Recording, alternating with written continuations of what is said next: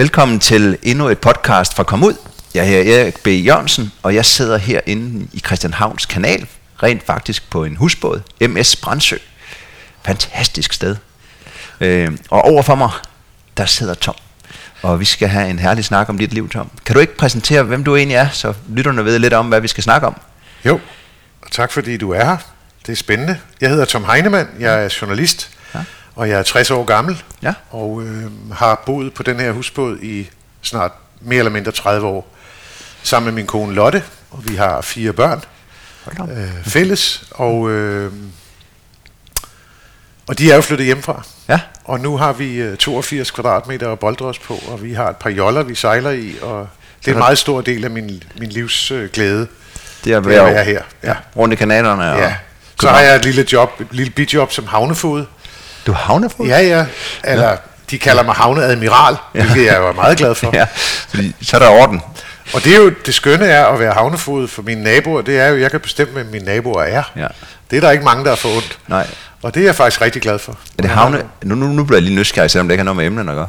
Altså, det her det er jo en husbåd, og der ligger også det, man kalder sejlbåde. Ja. Men er der, er der fripladser sådan om sommeren, der kommer folk ind, der skal have en daglig opkrævning? Eller er det faste pladser? Altså, vi, vi, har ikke, øh, vi har ikke plads til at have gæstebåde, fordi Nej. de fire, jeg har, det er, det er sejlende både, som kun... øh, Altså, de har været væk en måneds tid her i sommer, Ja. og der kom nogle gæstebåde, men det var ikke noget, vi har gjort noget særligt ud af. Nej. Det, der er sjovt med min lille havn, som vi kalder den, ja. det er, at det er formentlig en af verdens mindste lystbådhavn. Den består kun af fire både. Fire både på den her side. Ja. Ja. men til gengæld er den øh, også verdens reneste ja. lystbådhavn, fordi jeg vil ikke have, at man udleder spildevand i kanalen. Går de andre der? Ja, det er der rigtig mange, der gør. Det troede jeg ikke, man måtte. Nej, det må man heller ikke. Nå? Men det er der ikke rigtig nogen, der fører opsyn med. Og øh, det, kræver, øh, det kræver ikke særlig meget.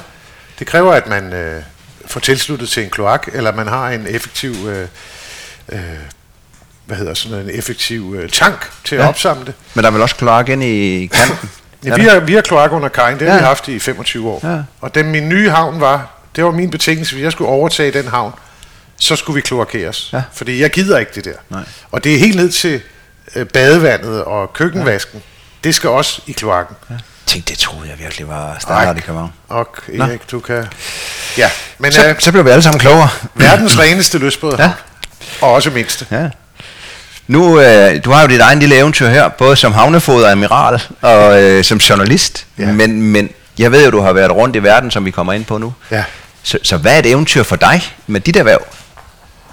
Jamen, jeg kan ikke lade være med at være... Jeg er fascineret af dit egen definition på det. Ja. Øh, nu er jeg jo et af de nyere medlemmer af Eventyrens Klub.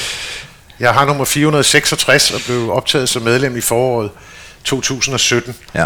Det er jeg utrolig stolt af, men jeg har læst, at du øh, hylder det her princip om, at eventyret starter i din egen baghave. Ja. Jeg synes jo, at et eventyr for mig er at tage min mellemste søn ud på Øresund og sætte nogle garn. Og øh, gå i spænding et helt døgn og vente på, hvad, der, hvad, hvad bringer garnet. Ja. Er der fisk til hele kajen, eller er der kun lige til en, det, vi kalder panskrald? Ja. Øhm, det kommer vi tilbage til, hvor jeg kommer fra. Men det synes jeg jo også er et eventyr. Helt klart. Øh, et almindeligt dagligdags eventyr, ja. men jeg, jeg nyder det der. Og jeg er selvstændig erhvervsdrivende, og jeg har været freelance journalist, eller hvad man kalder det, selvstændig journalist, lige siden jeg blev uddannet i 1991 fra Danmarks Journalisthøjskole. Øhm, jeg har aldrig øh, søgt en fast stilling, og heller aldrig øh, haft lyst til det. ja. Og det kommer vi jo selvfølgelig ind på. Ja. Ja. Når jeg lige sådan hurtigt lige regner der, så, så er du ikke helt tidligt færdig som journalist. Nej, det er jo, sagen var jo den, at, øh, at jeg startede jo med at blive muresvend Okay? øhm, på Fanø. Ja. Nu skal vi spole lidt her. Men er, er, lad os uh, hoppe helt tilbage så. Altså, er, Vi er, er, du op, tilbage. er du opvokset på Fanø? Det er jeg. Okay. Øh, Jeg er født i Stockholm af, en, øh, af min mor, som var Sønder Honing, det vil sige en af dem fra Fanø af, og af en, en far, som var tysk statsborger, og som øh, opholdt sig på Fanø i tidsrummet 1936 til 41, hvor han gik i skole med min mor. Øh, Han var tysk statsborger, og da krigen brød ud, boede han i Sønderho på Fanø sammen med min farmor. Min farfar var nødt til at flygte, fordi han var antinazist Ja. og kunstmaler, og øh, han var nødt til at flygte fra øen, fordi Gestapo var efter ham. Allerede der? Det, efter, ja, og det efterlod jo så min far og min farmor i en aparte situation, hvor de rent faktisk blev udvist af Danmark i 1941, fordi de var tyske statsborgere. Så der er ikke der er meget, der, meget vand, der er rent under åen, ja. men så meget er der jo heller ikke. Det er jo meget sjovt, at, at altså, hvad skal man sige, det sted blev udvist Ja. i 41. Ja. Da, de så, da krigen så slutter, øh, så vender min far meget, meget hurtigt tilbage til, til Danmark, Ja. øh, men er jo tysk statsborger. Ja, og det er ikke så godt på det tidspunkt. Nej. Øh, og sagen var den, at hvis han skulle blive dansk statsborger, hvad han meget gerne ville, han var meget lidt glad for tyskerne. Øhm, og det havde han fra sin far, som også var tysk, men var meget lidt glad for tyskerne. Ja. Det er en lang historie, men den, den tror jeg, vi tager en anden gang. Anyway, øhm, far han finder så ud af, at det tager 15 år som tysk statsborger at få dansk statsborgerskab. Søge 15 år i træk. I Sverige havde de jo et noget mere pragmatisk forhold til Tyskland, Ja. kan man vel sige på en pæn måde. Både før og efter. Ja, og det betød, at øh, hvis du var tysk statsborger i Sverige efter krigen, så kunne du få et svensk statsborgerskab efter fem år. Og når der var gået fem år, og man blev svensk statsborger, så kunne man bytte lige over med et dansk. Ja. Så min far og min mor, som var blevet kærester dengang i starten af 50'erne, flyttede til Sverige øhm, for at øh, blive så hurtigt som muligt, at min far kunne blive svensk og dermed dansk, og så tage til Danmark. Ja. Det var hans store livsdrøm. Ja. Så derfor er jeg født i Stockholm, som den sidste af tre børn. Ja. Og øh, da jeg er halvandet år gammel, bliver min bedstefar på Fanø Stjampe. Stjampe er et udtryk fra sådan H, som betyder, at man er ved at være lidt bims. Okay. Jeg tror, det i dag hedder måske dement ja. eller lidt Alzheimer's-agtigt. Øhm, det, derover hedder det Stjampe. Og han var også fysisk øh, dårligt øh, kørende. Så ja. min mor, som var sygeplejerske, øh, og min far, som var forretningsmand, de flyttede så til Fanø i 61. Øh, 60-61, det kan ja. jeg faktisk ikke helt huske. Der er jeg et år eller halvandet. Og så vokser jeg op i Sønderho øh, på Fanø, og træder jo mine barnesko der. Halvdelen af min familie, øh, jo på min mødernes side, de bor jo der, og alle er i familie med alle. Det er en lille by med 325 indbyggere. Vi kender hinanden, og, og jeg elsker det sted. Ja. Det er mit sted. Og der fik jeg jo nok også den der attraktion, jeg har med vand, Ja. om jeg kom ud. Fordi øh, det bedste sted at lege i Sønderho, det var nede på havnen. Fisker Ja. du også med din far? og sådan noget? Ok, ja, Ja. ok, ja, ok. ja. Øhm, vi havde en regel dernede, at man måtte ikke, øh, man måtte ikke bade i dyv, som det hed, sejlrenden, hvis man ikke kunne svømme. Og der var så nogle siderender, vi kunne, vi kunne lege i, men det opdagede mor og far jo ikke. Så vi svømmede jo ude i dyv. Men så, det var sådan i Sønderho, at hvis man skulle have lov til det der, så skulle man jo vise sin far, at man kunne svømme. Så han tog den lille korn, det er en lille jolle, så roede han ud midt på et dyv, og den var bred dengang. Og så tog han mig bare og smed mig i vand. Hvis jeg mente, jeg kunne svømme, så kunne jeg jo svømme ind til siden nu. Det gjorde jeg så. Ja. Øh, og så fik jeg lov at lege dernede. Og det var jo en barndom med, vi sejlede, vi fiskede, vi, vi trådte fisk, vi, øh, vi stangede ål, vi, øh, ja, vi lavede alt det, man gør, når man, øh, Ja. når man er en restdreng. Det er også et godt lille fiskerleje dengang, vel? Det var ikke et fiskerleje på Nej. den måde. Det er jo, Sønderho er en, er en søfartsby. Ja. Folk var på langfart. Okay. Mange af mine skolekammeraters fædre var jo kaptajner eller styrmænd. Det er sådan en, en klassisk sejl, sejlerø, Sejlerø. ligesom Marstal. Ja. Og, øh, så, så det, et fiskersamfund har der aldrig været. Det var der oppe i den anden ende af øen, der hedder Nordby. Der var lidt, lidt fiskeri, men, men sådan professionelt, ikke? Ja. men ikke i Sønderho. Nej. Men øh, det var jo en væsentlig øh, øh, bidrag til husholdningen. Ja, ja. Og også mine gamle tante Tine og hvad de hed, tante Maren, og de fik jo fisk, når jeg havde fanget fisk. Ja. Og sådan en sommerdag at gå ud og træde fisk, øh, det ved jeg ikke, om du ved, hvad, hvordan det foregår. Nej, ikke lige. Jeg, jeg tror, jeg ved, hvad det er. I det vel ligesom- Vadehavet, der, der går man bare. Der er en masse sejlregner. Ja, så finder man de søer, de er lukket ind i fisken, ikke? Nej, man Eller? går bare. Ja. Og så lærer man sådan en speciel teknik, hvor man lige bøjer tæerne, Ja. hver gang man træder i på en sandbanke. For så kan du lynhurtigt mærke, om du træder på en fisk. Og så gælder det jo om at blive stående. Ja. Og så bukker man sig ned og føler, at den her er stor nok, så tager man den i gælderne Ja. og løfter den op. Jamen, den er fin, så putter man den på det, der hedder en sløre. Det er en, en lille stålpind Ja. med en lang snor og en træpind. Og så stikker man den op igennem gælderne ud af munden, og så går man videre. Ja. Og senere brugte vi også det, der hedder en skuldpræger. En skuld er en fladfisk, og en præger er en, altså du, du stikker med. Ja. Så der gik vi med sådan en skuldpræger, og der stikker man jo i blinde. Altså, ja. fiskene ligger jo under sandet. Ja. Men det var jo en kæmpe del af mit liv Ja. dengang. Og vi tattede ål nede i dyv, som man kaldte det. Ja. Om, om særligt om aftenen og om natten. Og det gjorde jeg tit med min far, og også med min mor. Så jernstæng, jernstænger ud og sådan noget også, og et bildæk, eller...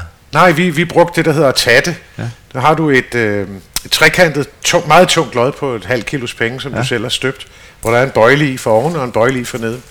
Og så går du ud og graver orm. Ja. Det var jo en stor del af vores lommepenge. Det var at grave orm. Øh, men når vi så gravede til at fiske selv, så gravede vi en spand orm, og så syr man den på en lang, lang jernpind, som er svarende til tykkelsen på en ære, med et lille øje i, og så en lang øh, bjørnetråd på. Ja. Så syr man ormene på i helt længt, altså hele vejen igennem ormen, og samler dem i det, der hedder en sløre. Så, når du, så binder du det sammen, sammen, sammen, så du ender med at have sådan en klump af, af sandorm. Ja.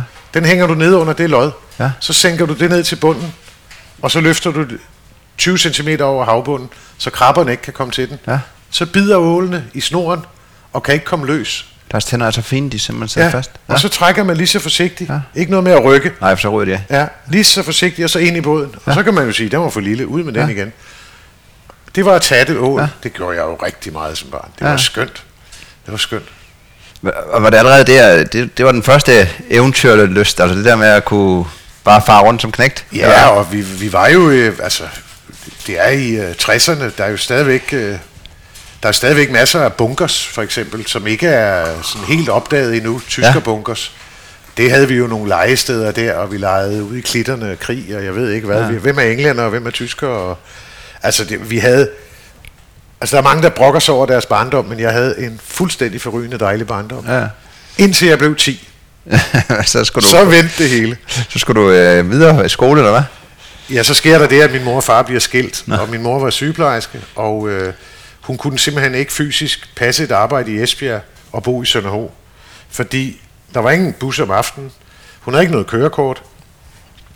Så hvis hun skulle være nattevagt på sygehuset i Esbjerg, så, så skulle hun bo derovre. Og det gad hun altså ikke, og det er jeg glad for. Ja. Tak for det. Men så var alternativet, det var så København. Så jeg, jeg flytter en fredag fra en skole, øh, en lille landsbyskole i Sønderho med fem klasser, øh, med tilsammen 42 elever. Vi var i seks i min klasse, og i Ina og Jenses klasse, de var kun to. Og det, vi sad jo selvfølgelig sammen, der var jo kun to, to lokaler i skolen. Så første, anden og tredje sad sammen, og fjerde og femte. Så da jeg gik i fjerde klasse, skulle vi så flytte til København. Og det er en fredag. Og mandag morgen, op for enden af Akkersborgade på Østerbro i København, der ligger Holstandsgade skole. Et mastodont, kæmpe kommuneskole Ja. med 800 elever. Det var aldrig set så mange mennesker. Jeg har aldrig set så mange mennesker. Jeg talte jysk. Ja. Rigtig jysk. Og øh, jeg tror, i første frikvarter fik jeg min første røvfuld af fire eller fem københavnersnuder. Og noget, der var ry- rystet mig fuldstændig, det var, at de slog med knytnæver. Det havde jeg jo aldrig nogensinde Nej. gjort. Derover brød vi. ja. Og det værste, vi kunne, der kunne ske, det var, at vi kunne få en flad lussing Ja. af vores far, eller vores mor, eller nogle af de andre i skolen. Men at slå med knytnæver, eller bruge pinde eller noget, ja. det havde jeg aldrig set før. Jeg blev noget chokeret. Og fik rigtig mange tæv, fordi jeg var en bunderøv. jeg snakker jysk. Ja. Og øh, det tror jeg, der er mange, der har oplevet. Ja. Jeg var så en lille, stærk, tæt fyr. Øhm, og det der ville jeg ikke have siddende på mig, så jeg fulgte efter dem efter skole, når de så gik hjem hver for sig. Så bankede jeg dem en for en efter skole. På nær en, der hed Kim Knudsen. Han var for stor. De andre fik høvl. Så fik jeg jo endnu flere høvl næste dag. ja. Og øh, så fulgte jeg efter dem efter skole, og så gav jeg dem endnu flere høvl. Og til sidst holdt det op. ja. Så fik de også begge nok. Ja, det tog mig så også kun 14 dage, 3 uger, så kunne jeg tale københavns bedre end de værste københavnere. ja, fordi du Det var ud af- simpelthen overlevelse. Ja, ja. Det var overlevelse. Og øh, hvordan klarede jeg mig så? Øh, der var masser af... Kunne du få eventyr herover? Altså havnen og det dengang? Eller? Ja, altså det jeg jo gjorde, var jo, at øh, hver eneste gang, der bare var en forlænget weekend eller et eller andet, så tog jeg til Fanø og var hos mine venner derovre. Ja. Så meget jeg overhovedet kunne.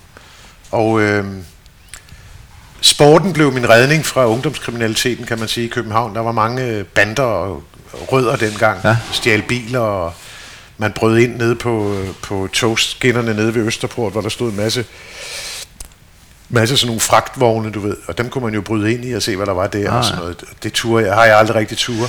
Men det var også noget med at have nogle venner. Øhm, og det havde jeg jo ikke. Og det blev så sporten, der, Ja. der gjorde, at jeg fik en ny... Hvad, hvad spår du det?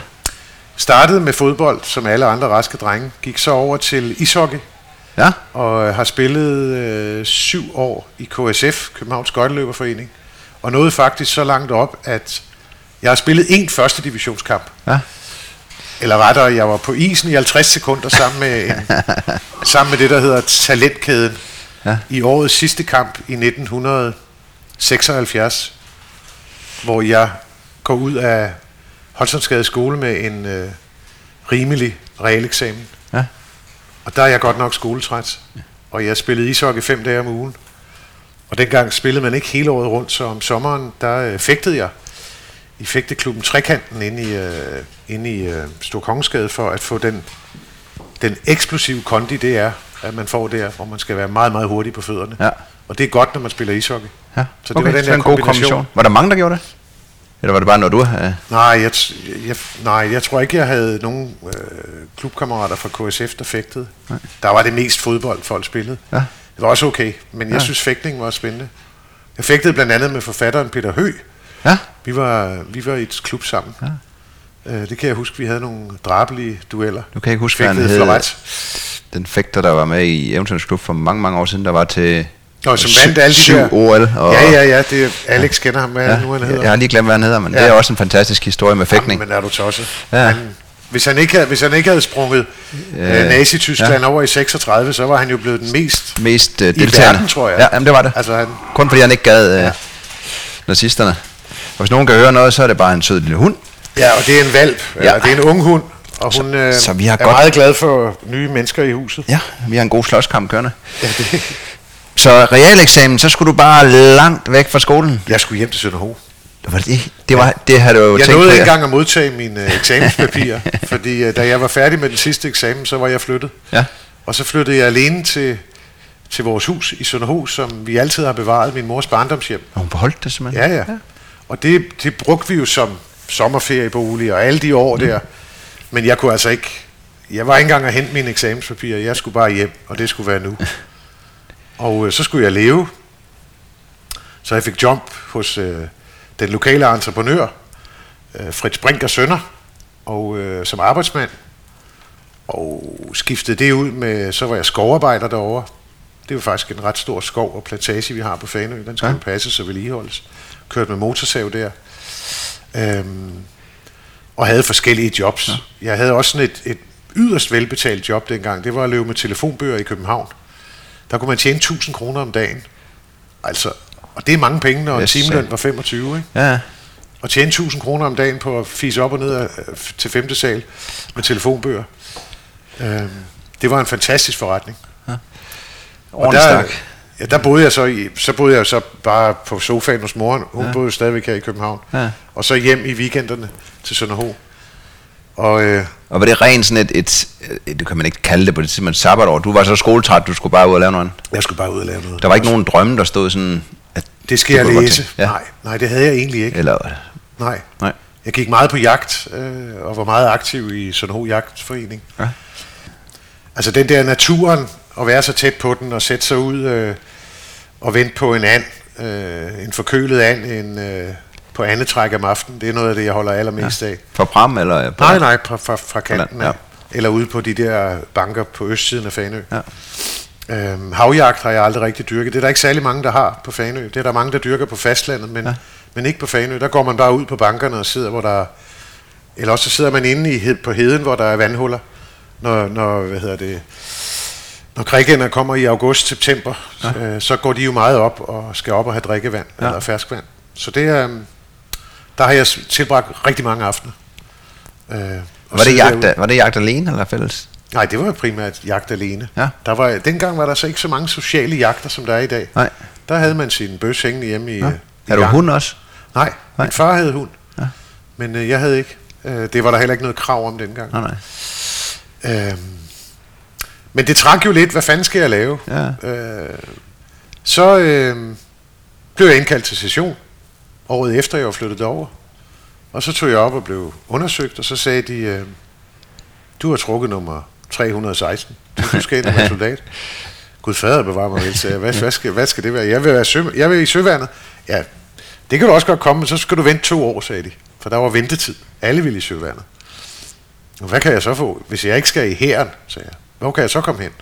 Så kan jeg komme i flyvevåbnet. I du milde, sagde jeg. Den, den snupper jeg. Ja.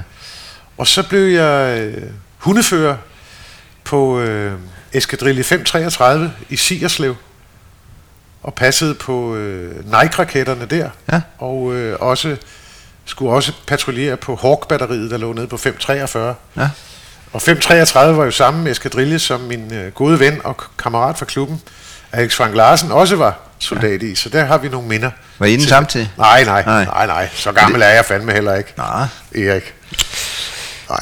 Al 77 er du soldat? Ja, Og det var jo den gang, men det, når du siger hundefører, det findes jo ikke på den måde mere. Men der, der kom man jo ind, så, så var der en hund, der gik i arv fra Ja, værnepligtig altså- til værnepligtig. Ja, de havde så en karensperiode på, jeg tror, fem eller seks uger, ja. hvor de blev puttet ind i en, øh, en hundegård og gik og vandsmægtede op på flyvestation Værløs i ja, et par måneder og ventede på en ny far. Ja. For ligesom at afvende dem fra den gamle far. Ja. Øhm, og min hed Jean og havde haft en fører før. Så han var en, en ung hund. Og så gik vi på, der var der meget teori jo også, at man skulle lære hundepsykologi, og hvad, hvordan skal man tale til dem, og hvilke kommandoer har de lært som grundlag. Ja. Altså alle hundene var jo fortrænet, du ja. skulle ikke ligesom starte forfra Nej, nej. hver gang. Så der var de der faste kommandoer, plads, dæk, stop manden, søge, rundere, alle de der kommandoer, som man nu brugte Ja. ja. i øh, at være, være hundefører. Ja. Og så fik man jo den der hund udleveret, og, øh, og så blev man så sendt ud på sin tjenestested, ja. og jeg blev så sendt ned og passet på de der... ja. Så du havde tre måneders rekrut først, ja og så havde du, hvor lang tid var du indkaldt dengang? ni måneder. Ni måneder som seks, hundefører. seks måneder som hundefører. måneder. Ja. Så var det ren vagttjeneste jo. Ja, og øh, det hentede jo, at vi sov på vagten, men øh, Det har du en Så hund fik- til at sige til. nej, fordi den, øh, Den sov også. den sov også. det der så var, nu er jeg ikke mørkeret, men man kan godt blive forskrækket, når en, en hund, som jo kan opdage alt, men som er fuldstændig uinteresseret i at træde på en fasan, Ja. det ragede den en skid. Når man går i sådan en Tæt. bælsort nat, ja.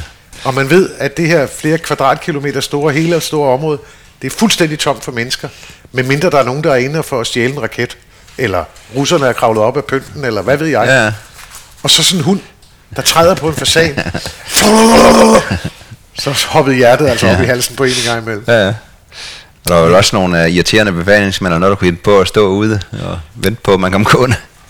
Nej, det har jeg egentlig Nej, ikke det har du oplevet. Men jeg, jeg er blevet taget i at, og ikke og for eksempel øh, fik jeg en weekendvagt oveni på, øh, på baggrund af, at øh, jeg dummede mig til en morgenmøde, hvor jeg sagde, hvor der blev sagt, at der havde, at Ivan, som var den fælles betegnelse for polske aflytningsfartøjer, eller russiske fiskekutter, eller hvad der nu lå, nede i Køge Bugt der, øh, nede under Stævns Klipper, og holdt øje med os. Øh, at Ivan havde, om, om jeg ikke havde set, at Ivan havde været helt under, inde under stranden i dag, ja.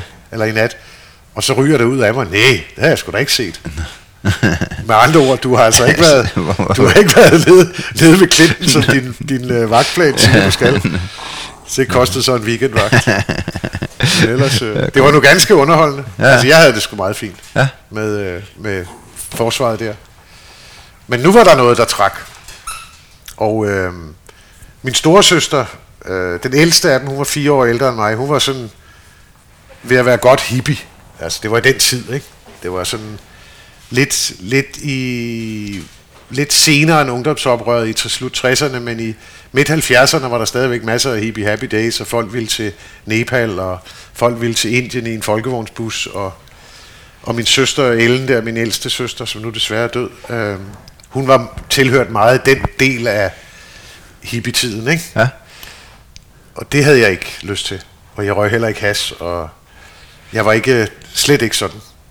Så jeg ville til USA, og øh, jeg havde jo ikke nogen penge. Og det er jo, man sparede jo ikke ligefrem stort op ind i forsvaret. Nej, nej. Øh, Ikke dengang, der var det jo bare en madbilletter og... ja, vi altså, fik en eller anden form for løn. Jeg kan ikke huske, om det var... Det var ikke meget. Nej, det var ikke meget. Anyway, Men hvorfor lige USA? fordi jeg, jeg var fascineret af USA. Ja. Jeg synes, det var et fedt land. Og øh, dengang kunne man jo sagtens blaffe. Ja. Så jeg blaffede til øh, Holland fra Fanø. Ja. Jeg gik ud af færgen og gik op på, på terminalkajen deroppe, hvor der kørte en masse lastbiler. Og der fik jeg et lift med en lastbil. Han skulle til et eller andet sydpå. Og med to og tre stop, så var jeg i Amsterdam og mm. ude på Schiphol Lufthavnen. Så fløj jeg til Boston og tog øh, og blaffede ned til New York, hvor jeg havde en, en øh, min gudfars øh, gode ven, Bernie. Han havde en lejlighed på 86. 20. gade på Manhattan, East Side. Og der kunne jeg så bo et stykke tid. Og øh, så havde jeg nogle jobs på en country club, han ejede op af Hudson River, hvor jeg vaskede op. Der fik man 2 dollar og 35 cent i timen, hvilket jo var eksorbitant højt, men det var fordi, jeg var hvid. Køkkenchefen, han var fra Mexico, han fik 1 dollar i timen. nej, nej, nej. Man var ikke skide populær ude i det der køkken, når man stod og vaskede op, vel, fordi jeg fik dobbelt så meget som køkkenchef. Ret pinligt. Men øh, det var for at tjene nogle penge, så jeg kunne komme videre. Og der havde jeg så meldt mig ind i Dansk Vandrelag, fordi hvis man havde en, et vandrelagsbog, altså ligesom et pas, Ah, ja. så var der en, i USA på det tidspunkt, eller over hele jorden, tror jeg nærmest, så var der de der hostels, hvor øh, Dansk Vandrelag var ligesom en slags medlemmer. Ja. Så, så man kunne finde sådan nogle lister, det var jo før internettet, men man kunne finde sådan nogle lister over, hvor i hvad for en by er der hostels. Ja. Øh, Det kunne være YMCA, altså KFUM eller KFUK, hvis man var kvinde. Det kunne være alle mulige religiøse bevægelser, eller det kunne være, I don't know, Ja. alt muligt. Alt muligt, ja. Men, Men der, kunne man jo få at- en, der kunne man jo få en, en bunkerbed, altså i, i en sovesal for 2 dollar. Øh, og så kunne man jo komme langt, når man havde et budget på en 5-6 dollar om dagen. Ja. Og sådan blaffede jeg øh, først nord om, og, langs med de store søer nordpå, op under Canada. Øh, og så lidt øh, Oregon og og, re, og hvad hedder det, Nevada, og kommer så ud til, øh, til Kalifornien, og tager ned og blaffer ned til, øh, til øh, Los Angeles, og senere San Diego, hvor jeg, hvor jeg bor i en bil sammen med en pige, jeg havde støvet op. Så der boede vi i bilen der et par uger. Og så, og fordi jeg havde sådan et godt sted der, det kostede jo ikke noget, så havde jeg jo lidt mere i mit daglige budget. Så dem, vi fik spenderet nogle penge, fordi hun har også lovet mig, at hun kunne skaffe mig et, øh, et lift hjem med en lastbilchauffør, der kørte coast to coast. Ja. På piller var de alle sammen, ikke? Fordi de Og de skulle bare gøre det hurtigt. Ja, ja, Og de spiste ferietabletter, som det hed herhjemme, men det var ren amfetamin. Ja. Oh, ja. Ja, ja, whatever. Så jeg øh, fyrede sådan set de fleste penge af øh, sammen med hende, og ventede så på den der lastbilchauffør, som endte så med at pisse mig af. Ikke? Så jeg, der var jeg en lille mand på 18,5 eller hvad var jeg, 19 år, der stod ude på, altså hvor man stod ude på sådan nogle highway ramps. Man må jo ikke stå nede på highwayen, det må man stadigvæk ikke. Sådan noget, hvor man uden for i den helt sydlige del af Kalifornien på vej ind mod New Mexico. Det er ørken. Og så står man på sådan en rampe. Så er der sådan noget, en der har ridset ind i skiltet. Cars. Altså biler. Så var der sådan fire streger. Og hours. Der stod der otte streger. Så, fuck, hvad laver jeg her? Men fik en... Øh, havde lært i New York, der mødte jeg en fyr, der hed David at kende. Han sagde, der er nogle ting, du skal vide, hvis du skal blaffe. Der er nogle steder, du ikke kan blaffe. Det er det dybe syd. Altså Mississippi, Louisiana, øh, de der stater dernede. Du, hvis du kommer vestfra, øh, så er det, øh, så drejer du i Texas Okay. nordpå. Ja. Du skal ikke blaffe derind. Og så viste David mig hans skulder, som lignede noget, der havde fået en granat i skulderen. Det var en håndfuld 4 søm, smidt ud af en bil Ej. med 60 miles i timen, Ja. mens han står og blaffer. Og 20 cm mere, så har han været død, for de siddet oppe i hovedet på ham. Ja. Hold. Øhm, så der drejede jeg nordpå. Ja. Der kom jeg så op igen, og så op, og kommer så til New York, og er der kort tid, og flyver hjem via Schiphol i Amsterdam, og blaffer hjem til Fanø, og der var gået fire måneder. ja. Fantastisk. Fantastisk tur. Gav det, gav, altså sådan en tur, gav det så mod på, på mere, eller var, var- der begyndt at komme tanker om, hvad du, altså... Hvad jeg egentlig ville være? Ja, Nej, nu skal jeg fandme bare hjem og tjene nogle penge. ja. Nu skulle jeg hjem til Fanø igen. Ja, ja, hjem til Sønderho. Hjem til Sønderho. Og så fik jeg et meget spændende job som murarbejdsmand hos et murfirma, som lavede restaureret de gamle fanehus. Ah ja. Og det øh, var jeg fascineret af, fordi det er, det er flot håndværk, når du ikke har din loddstok med på arbejde. Det skal være lige skævt det hele. Ja, det skal være lidt Og det skævt, skal laves Ja. øh, i respekt for de her huse er fra 1700 1800-tallet, mange af dem, inklusive vores eget. Ja. Der skal man altså have en respekt for den murertradition, der nu var, eller håndværkstradition, der var. Og øh, det var jeg rigtig glad for. Og så øh, mestersvenden, Jens, han spurgte så, hvorfor jeg ikke øh, søgte en læreplads som murer. Og øh, det tænker jeg, det er jo... Altså dengang var en timeløn, altså Erik, 30 kroner eller sådan noget. Ja. Og en, og en murersvend kunne få øh, 60. Så var det altså lidt attraktivt at tænke, nå ja, altså hvis jeg kan få det dobbelt af, og, og heller ikke skulle slæve alle de sten, og heller ikke stå og blande al den mørtel, ja. det var ikke dig, der skulle slæve til sig. det var ikke mig, der skulle. Så det synes jeg, der var attraktivt. Så jeg gik i lære der som murer øh, hos, øh, hos et stort øh, Esbjerg-firma, men som havde deres lille afdeling på Fanø, hvor jeg fik lov at, at gå sammen med mestersvend Jens og en super hyggelig fyr, der hed Preben. Vi var sådan en tremandsjak, stort ja. set altid. Der lærte jeg en rigtig fint håndværk, synes ja. jeg selv. Også når man arbejder på, på gamle ejendomme, så, ja. så Ja. lærer man jo endnu mere. Ja. For så kan man jo ikke undgå at skrue noget træarbejde en gang imellem og noget Nej. andet. Og, Nej. Jeg havde en formand, der hed Thomas. Og jeg hedder jo også Thomas. Øh, Jeg er døbt Thomas. Så han sagde, da jeg blev udlært, Jamen lille Thomas, vil du ikke fortsætte som Svend så i vores firma? Jo, hvad får man i løn, Tommy? Tommy hedder han, ja. ja. Hvad får man i løn, Tommy? Ja, det er så 60 kroner og 25 øre i timen. Jamen, jeg har lige siddet og snakket med nogen i København, de får 90 kroner som minimumsløn. Nogle af dem får over 100. Hvorfor, hvorfor kan jeg ikke få 90? Nej, det betalte de ikke derovre. Og der var sådan et eller andet, der fanden tog ved mig, og ja, eventyret var i hvert fald ikke slut på nogen måde. Det var nærmest lige begyndt. Ja. Så jeg pakkede min øh, rygsæk og, øh, og en øh, sæk med mit øh, håndværktøj, murværktøj, og kendte en øh, fyr, som havde været kæreste med min ældste søster, en der hed Søren, som havde en etværelses lejlighed i Brumleby på Østerbro. Og det var, øh, altså, hvad var det, 9 kvadratmeter eller sådan noget, vil jeg tro. Og en øh, petroleumsbrændeovn. Og man måtte, ikke, øh, man måtte ikke lege ud. Så man skulle lade som om, man hed Søren, hvis der var nogen, der spurgte.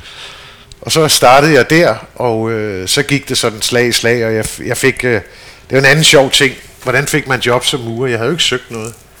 Men øh, da jeg startede i lære, der var der stor arbejdsløshed. Da jeg sluttede min uddannelse, der manglede man murer alle vegne. Der kom sådan nogle konjunkturer. ja. Øhm, så der er vi jo så tilbage i, nu skal jeg lige tænke mig om, 83, 84, Ja. tager jeg til København med min mursæk på ryggen. Og øh, med venners hjælp finder jeg det der sted der og ender videre ud. Men jeg skal jo have et job til de der 90-100 kroner i timen, som jeg havde hørt, at alle kunne få. Og så gik jeg ind på den første og bedste byggeplads, hvor jeg kunne se, at der var et stilas. Og så gik jeg ind og spurgte, om der var nogle murer her. Jamen, de gik op på tredje. Så gik jeg derop. Så sagde øh, formanden derop, øh, jamen vi mangler murer, hvor kommer du fra? Jamen, jeg, så tog jeg lige lidt jysk accent på og sagde, jamen, jeg, er lige, jeg kommer lige fra Fanø, jeg er lige uddannet. Kan du møde i morgen kl. 7? Hvad er lønnen? Ja, det var 90 kroner eller et eller andet. Plus noget sort, sagde de. Ja.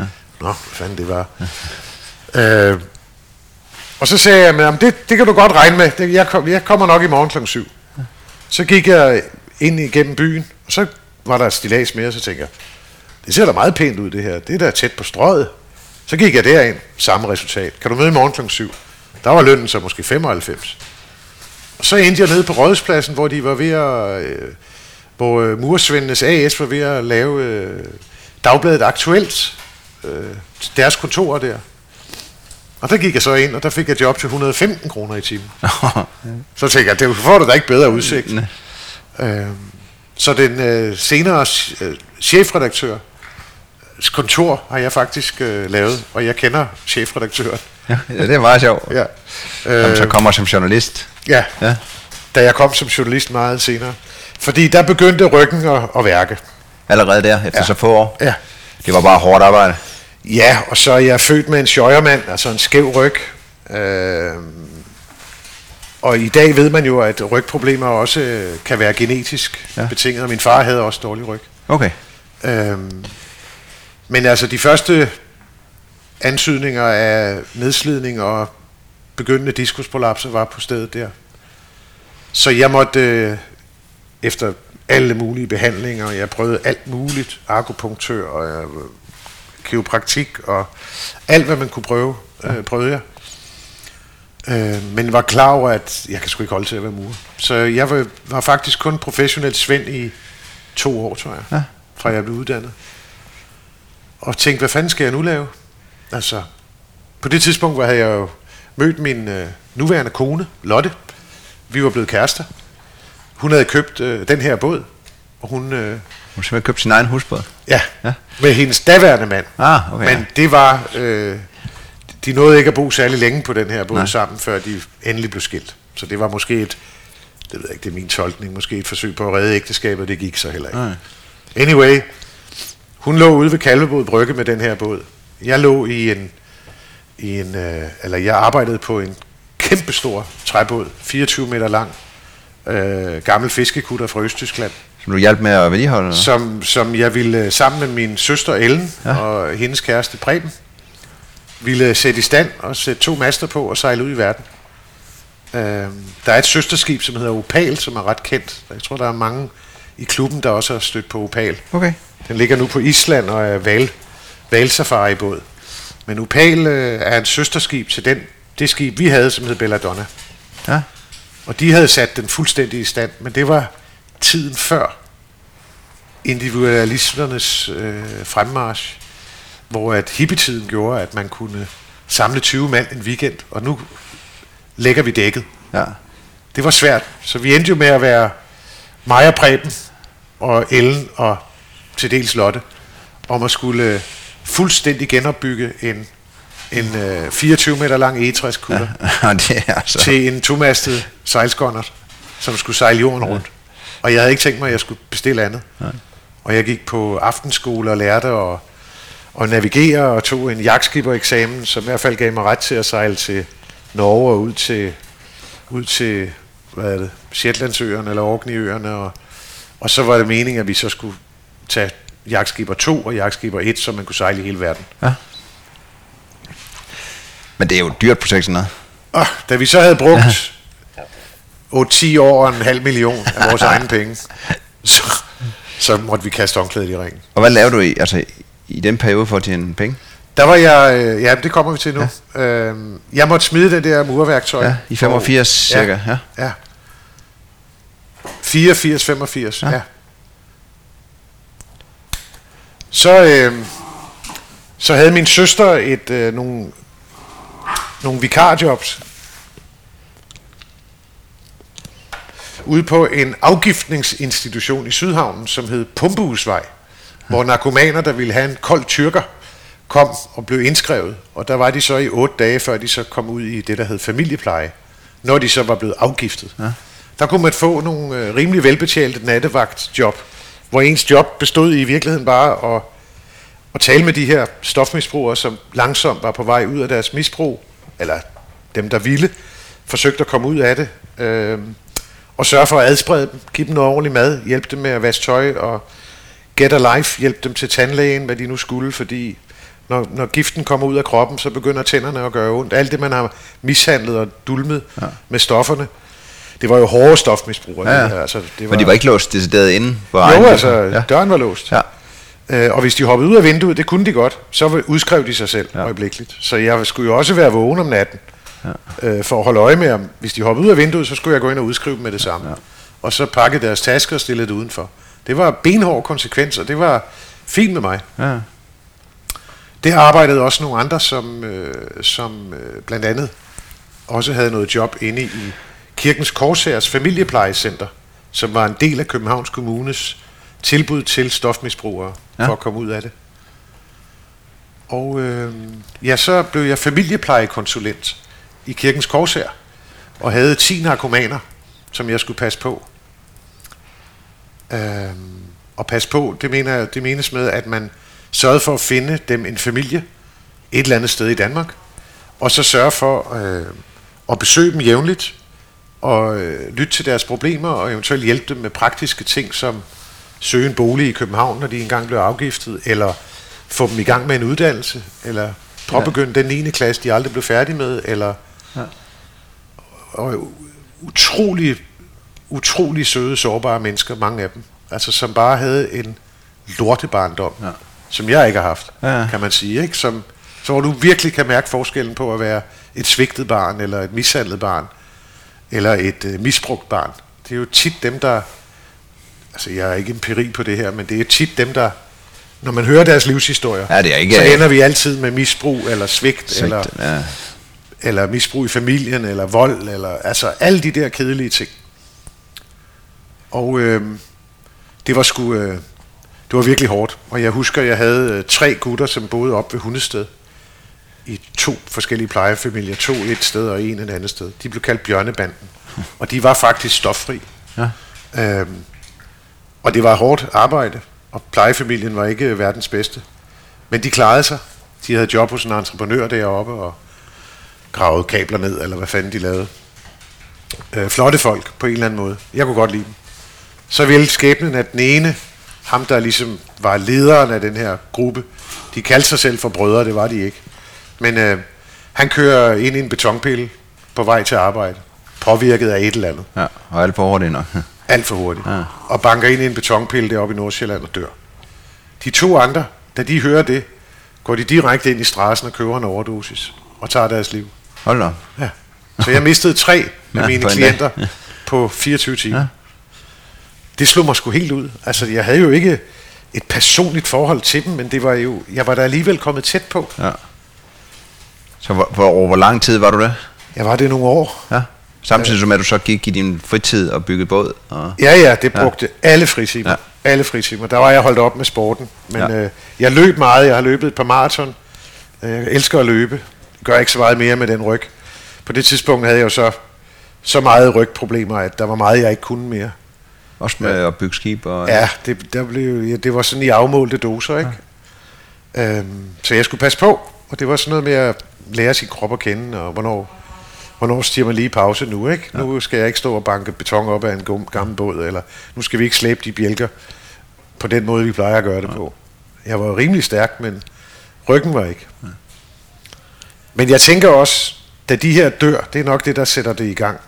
Det er, at øh, jeg er jo ikke professionel, for fanden. Jeg er jo ikke pædagog, eller jeg er jo ikke psykolog, eller jeg er jo ikke øh, sociolog, eller jeg er jo ikke terapeut, eller jeg havde jo ingen pædagogisk altså, forudsætning for det der. Jeg kom ind med badevandet, ja. fordi der manglede folk. Jeg har en god måde at snakke med folk på, og jeg kan snakke med høj og lav, og jeg kan gå ind i folk med træsko på, tror jeg, ja. der er nogen, der siger. Men du har også, altså, du havde jo også allerede prøvet meget. Ja, det synes at være jeg. murer, og ja, ja. Altså, det vil sige, man kommer med noget livserfaring med at snakke med folk og være, ja. Ja, passe sit arbejde. Ja, det gør det. Ja. Og øh, og så er der en af mine, øh, min anden søster, James, som stadigvæk bor på Fanø. Hun var jo så...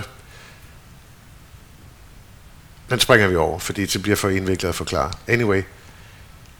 En af mine søskendes veninder, hun siger så, at du skal være skuespiller, Tom. Skuespiller, siger Hvad fanden snakker du om, Bodil? Jamen, det skal du være. Og så indmeldte hun mig på Odense Teaterskole til optagelsesprøve. Og så fik jeg en stor brun kuvert. øhm, at nu, øh, da jeg havde søgt optagelse, så skulle jeg læse det og det, og jeg skulle øve mig i det og det. Så må der være fuldstændig bindegal kvinde. Det kan jeg ikke, det vil jeg ikke. Nå, men øh, de havde i hvert fald tilmeldt mig. Men jeg kom aldrig til den optagelsesprøve. For der tænker jeg, okay, jeg kommer fra et hjem, hvor man øh, læste avis og holdt sig orienteret, og det har jeg sådan set altid gjort. Hvorfor søger jeg ikke ind på journalisthøjskole? Det kræver jo ikke, at du har 10 i snit, eller, eller har en gymnasieuddannelse. Det kræver, at du består en optagelsesprøve. Ja. Og øh, det prøvede jeg så, og jeg bestod. Øhm, men ikke godt nok til, at jeg kom ind. Altså, der var jo flere, der blev, der blev kendt egnet, som man siger, end der var pladser. Ja. Så det, skalaen gik fra 7 til 0. 7, 6, 5, 4. Og 4, så var du bestået. Så kunne du komme ind, hvis der var pladser nok. Men Femmerne kom ind, og sekserne kom ind, og jeg tror aldrig, der var nogen, der fik syv, men femmerne og sekserne kom selvfølgelig foran, og det var de 100, som de stort set manglede. Ja. Nå, det lod jeg mig ikke slå ud af. Jeg fortsatte mit arbejde, men søgte så igen et halvt år senere. Fik fire igen, og der havde man kun tre skud i bøssen. Så tænkte jeg, nej, nu må jeg lige blive lidt bedre til det her. Så der var en, en gammel journalist, Carsten Grolin, som lavede nogle kurser for, for sådan nogen som mig. Som egentlig gerne ville, men som ikke rigtig kendte det faglige godt nok til at, hvad vil det sige at være journalist? Altså sådan rent fagligt, altså sådan arbejdsmæssigt og metodemæssigt. Og han holdt sådan nogle weekendkurser, hvor man gik op i gamle prøver, sådan at man kunne ligesom prøve, hvad det ville sige at, at tage en journalistprøve. Og der, det tog jeg sådan nogle crashkurser nogle weekender. Ja. Så gik jeg op, og så kom jeg ind. Ja. Det var i øh, efteråret 87, ja. kommer jeg så på Journalisthøjskolen. Og det, hvordan, hvordan var optaget dengang? Var det sådan en god blanding af alle aldre, eller var det? Nej, jeg var blandt de, vi var, der var en, der var ældre end mig, men ja. ellers øh, var jeg bestemt, jeg tror, jeg var den næste ældste. Ja. Der var allerede dengang så meget run på det der modefag at være journalist, at, at der var jo nogle af mine klassekammerater, de kom direkte fra gymnasiet. Altså de havde simpelthen brugt hele deres gymnasietid til at øve sig i at være journalister. Ja.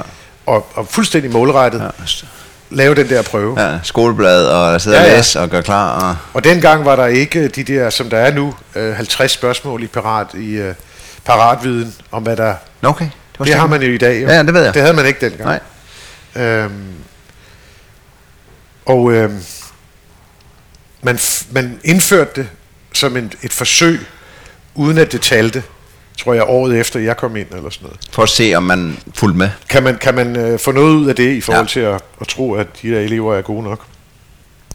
Men så kom jeg jo ind der, og jo, var jo velbevandret på arbejdsmarkedet, ja. i modsætning til mange af mine elever. Og det var her i København? Nej, det var i Aarhus. Det var Aarhus? Det var i bunkeren over på Olof Palmes Allé. Så flyttede, stadigvæk ligger der. Så flyttede du igen? Jeg havde en ven, som havde en søster, som havde et værelse. Ja. Som jeg kunne lege der boede jeg jo fast med Lotte. Øh, så hun tog med? Nej, nej. No. Hun, det kunne hun sgu ikke. Nej. Så jeg pendlede med Peter Bors og Niels Klim hver weekend. Eller rettere, jeg pjekkede det meste af torsdagen, og i hvert fald om mandagen.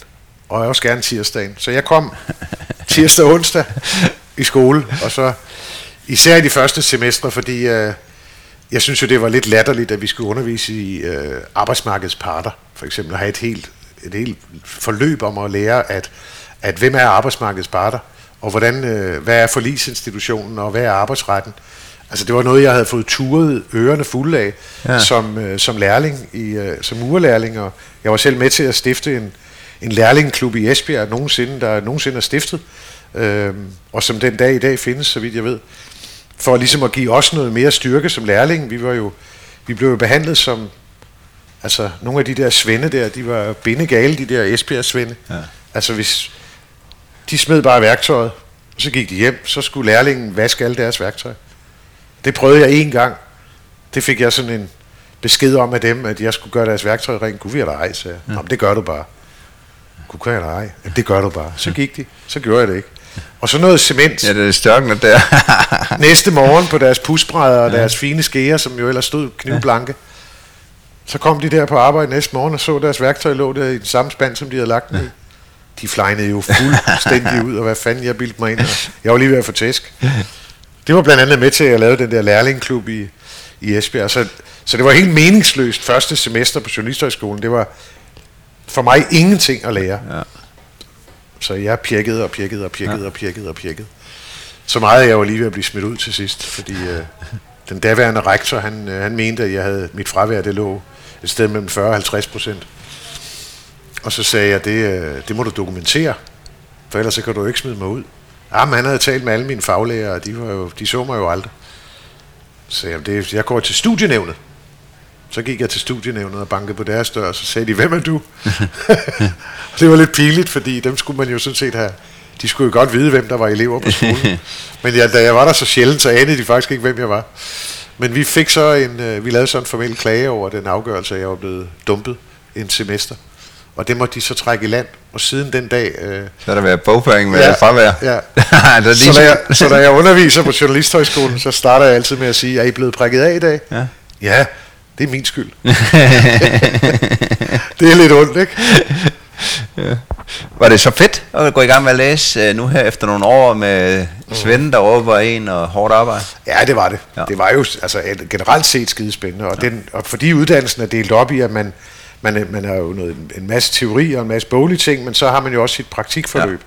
på halvandet år. Og der søgte jeg radioavisen, ja. øh, og kom ind der, og den var så kombineret med et år på radioavisen og et halvt år på, på DSB's presseafdeling. Det var sådan en kombinationsstilling, og man kunne ikke vælge ja. det ene og det andet fra. Det var fordi, der ikke var nogen, der ville søge DSB's presseafdeling, eller Ja, ja, det var sådan, man, man, hvis man vil have det gode, så måtte man også ja. tage lidt af det mindre gode, ikke? Og jeg synes jo ikke, journalistik øh, handler om at lave pressearbejde for andre, eller fremstille en historie på en måde, som øh, til gode ser et synspunkt. Nej. Så det var i sig selv i sig selv meget mærkeligt for mig at lave pressearbejde for DSB. Ja. For det var jo ikke andet end succes, sandt. succes på succes. Nej. Der var jo ikke et aflyst tog ind i presseafdelingen. Der var, der var jo intet galt med DSB. Altså, helt absurd. Men jeg boldrede mig på radioavisen ja. og havde det skønt der. Øhm, og lærte at lave nyheder. Øh, så mange, at øh, da jeg var færdig på radioavisen, vidste jeg, at nyheder, det gider jeg simpelthen ikke at lave.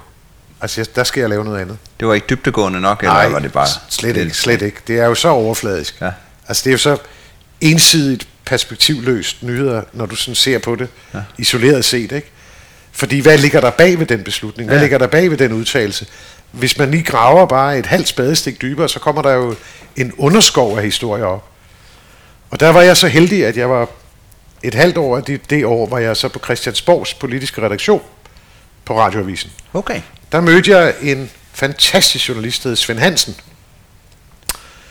i den del af mit praktikforløb. Og han var udlånt af P1 Orientering, for at, komme lidt tilbage i den politiske savsmuld. Han var politisk kommentator på Orientering.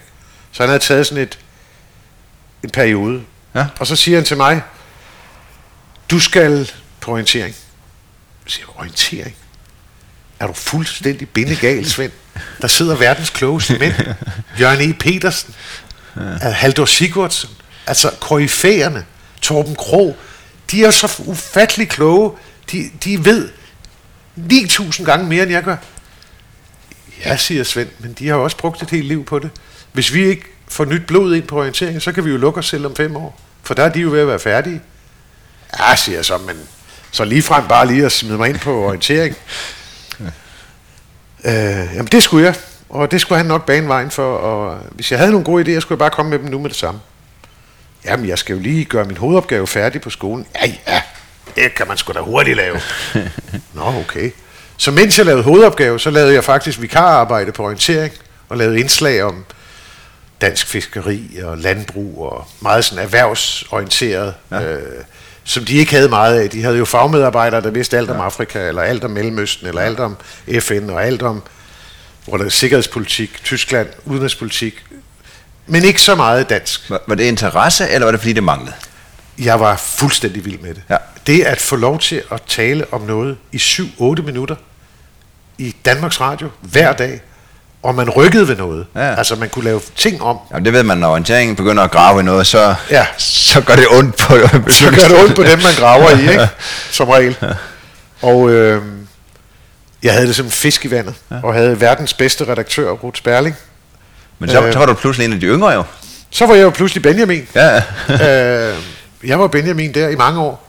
Altså jeg tror, jeg forblev den yngste medarbejder i fem eller syv af de 10 år, som jeg var tilknyttet redaktionen, ja. op gennem 90'erne og til starten af nullerne.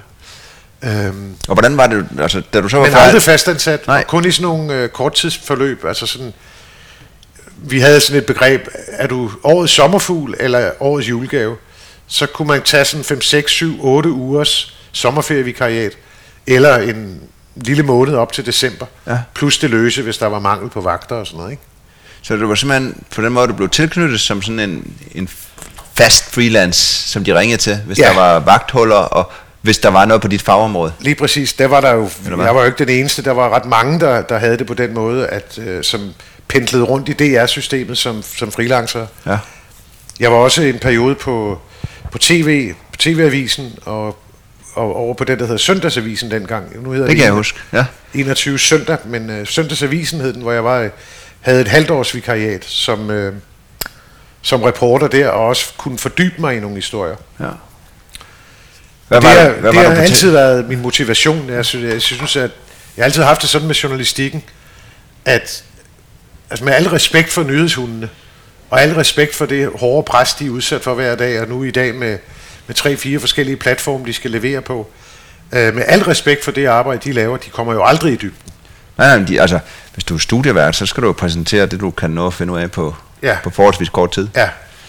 Altså jeg tror, min personlige rekord på radioavisen var, at jeg lavede på en vagt, som var 9 timer, lavede jeg 17 telegramhistorier, som blev læst op, ikke af mig, men af de koryfærende Ole Emil Rigsager og hvem det nu var, der var studieværter i radioavisen.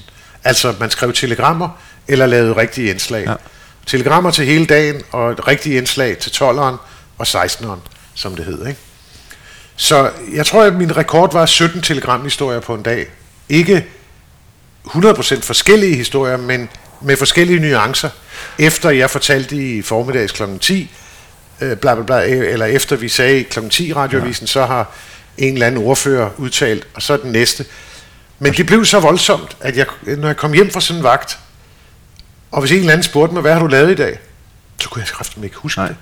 Ja, fordi så har man startet dernede og stået med ministeren til Ja. sidst, og så, øh, så ryger man helt... Du kan helt, lave en test på dig selv en aften, ja. og hvis du, øh, hvis du bare ser TV-avisen, lad være med at tage en blyant og et stykke papir frem.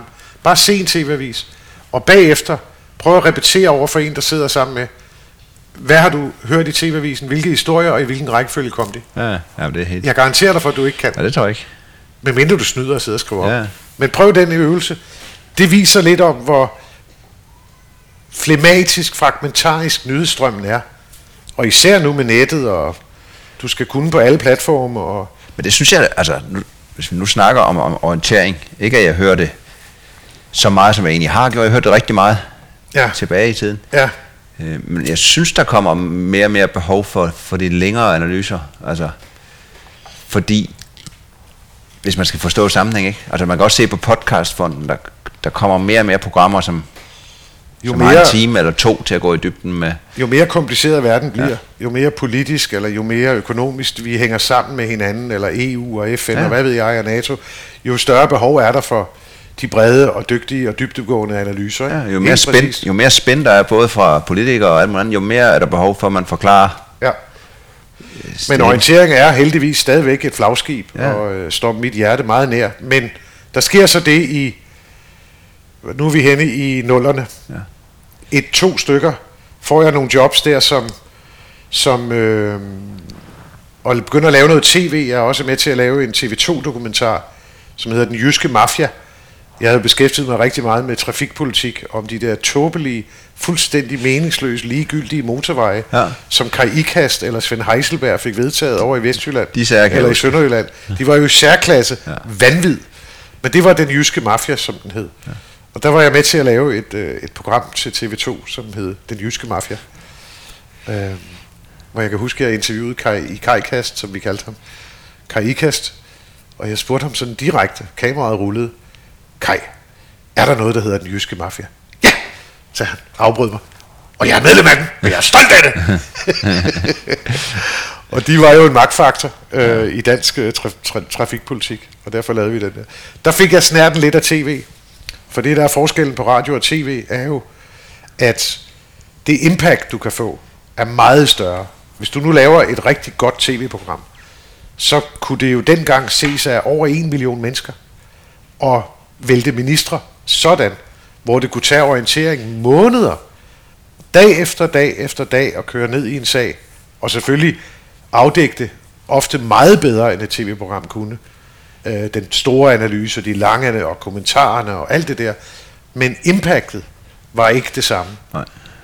Og så er det jo et spørgsmål, om jeg, at det var min forfængelighed, eller om jeg også var ved at være moden til at prøve at lave noget andet end radio. Ja. Jeg havde også på det tidspunkt øh, engageret mig voldsomt i det, der hedder Radions dokumentargruppe, hvor jeg lavede øh, timelange radiodokumentarer Ja. i en lang periode, og vi var en stor gruppe af freelancere under, under ledelse af Erik Valør, en forfatter og fantastisk dygtig journalist, jeg har kendt i mange, mange år. Øh, helt tilbage fra presstiden, hvor jeg havde en kort periode også, øh, som, som løs fugl. Og der lavede jeg jo, synes jeg selv, nogle sindssyge, øh, pissegode radioprogrammer, som nærmest ingen hørte. Øh, eller så få hørte, at det ikke fik, du ved, de helt store konsekvenser. konsekvenser. Jeg kan huske, at jeg fulgte det sociale område en del, og lavede noget, der hed Lægens Mand, eller øh, Firmaets Mand hed den, som handlede om øh, de her kommunale lægekonsulenter, øh, som kommunerne styrede og sagde til dem under hånden, I skal altså skrue ned for antallet af invalidepensioner. Det har vi simpelthen ikke råd til.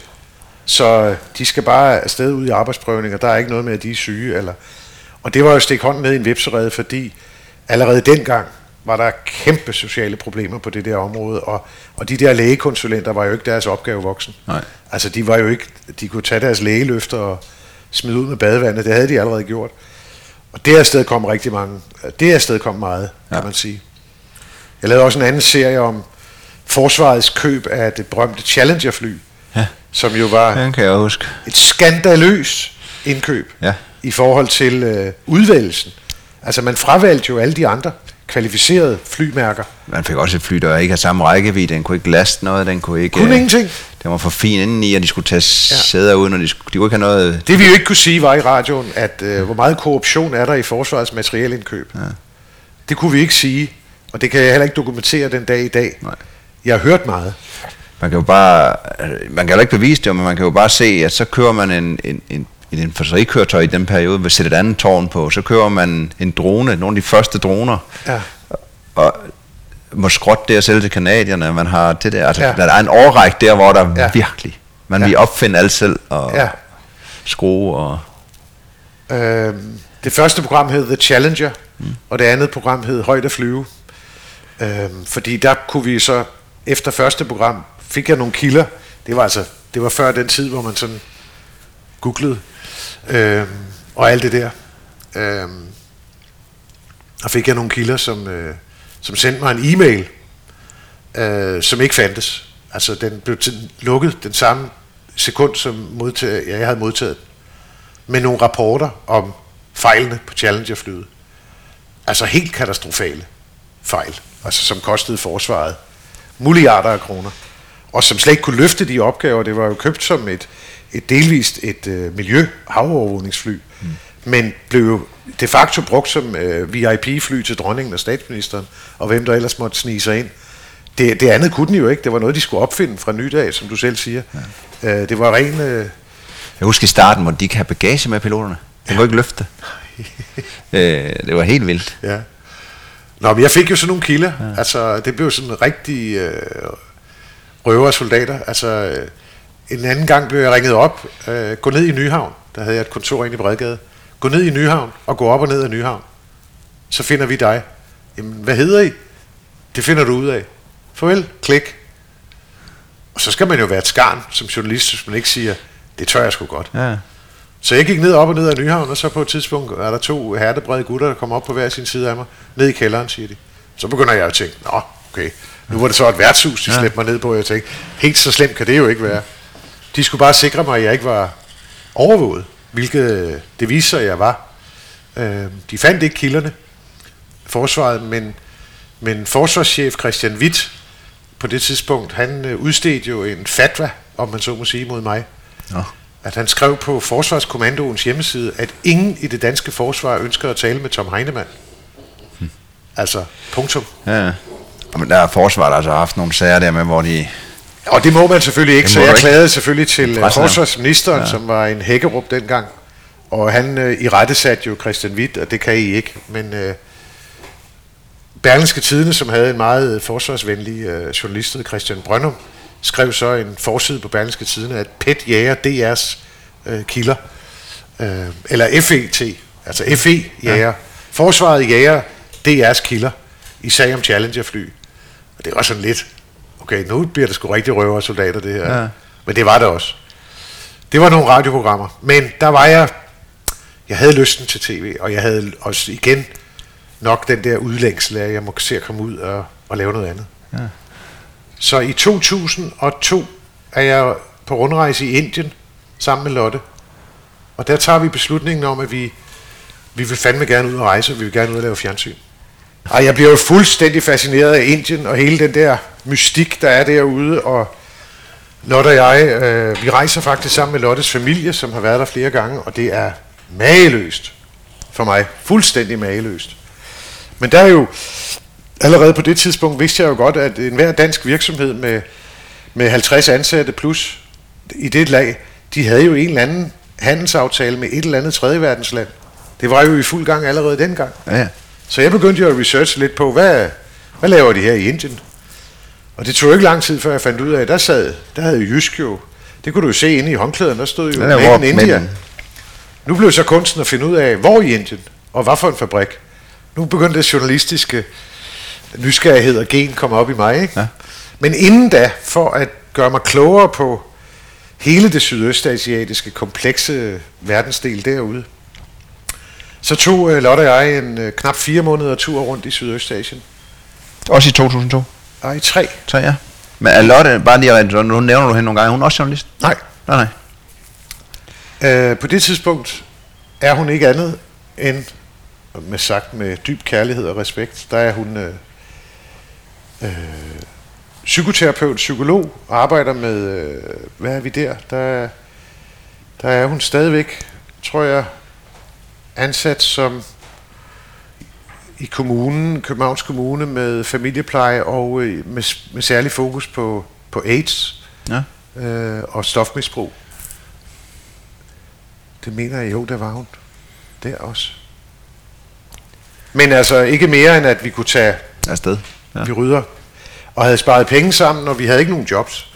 Jeg havde et, øh, fået et job af International Media Support om at, om at lave en rapport for dem om øh, eksil, det eksilmediemiljøet rundt om Burma. Dengang var Burma fuldstændig lukket land. Ikke? Ja. og øh, rigtig mange var flygtet. Så der var utrolig mange medier, eksilmedier i Indien og Bangladesh og Thailand og Kina og Laos og der, hele vejen rundt om Burma var der små miljøer af, af journalister fra Burma, som var flygtet ud af landet, fordi det var det samme som at, og hvis du var journalist der og kritisk over for styret, så døde du. Ja. Eller, eller blev slidt op i en arbejdslejr. Så det, det ville de gerne, og det, det tror jeg, jeg tror, at kontrakten lød på 30.000 kroner. Det var, hvad vi havde af penge.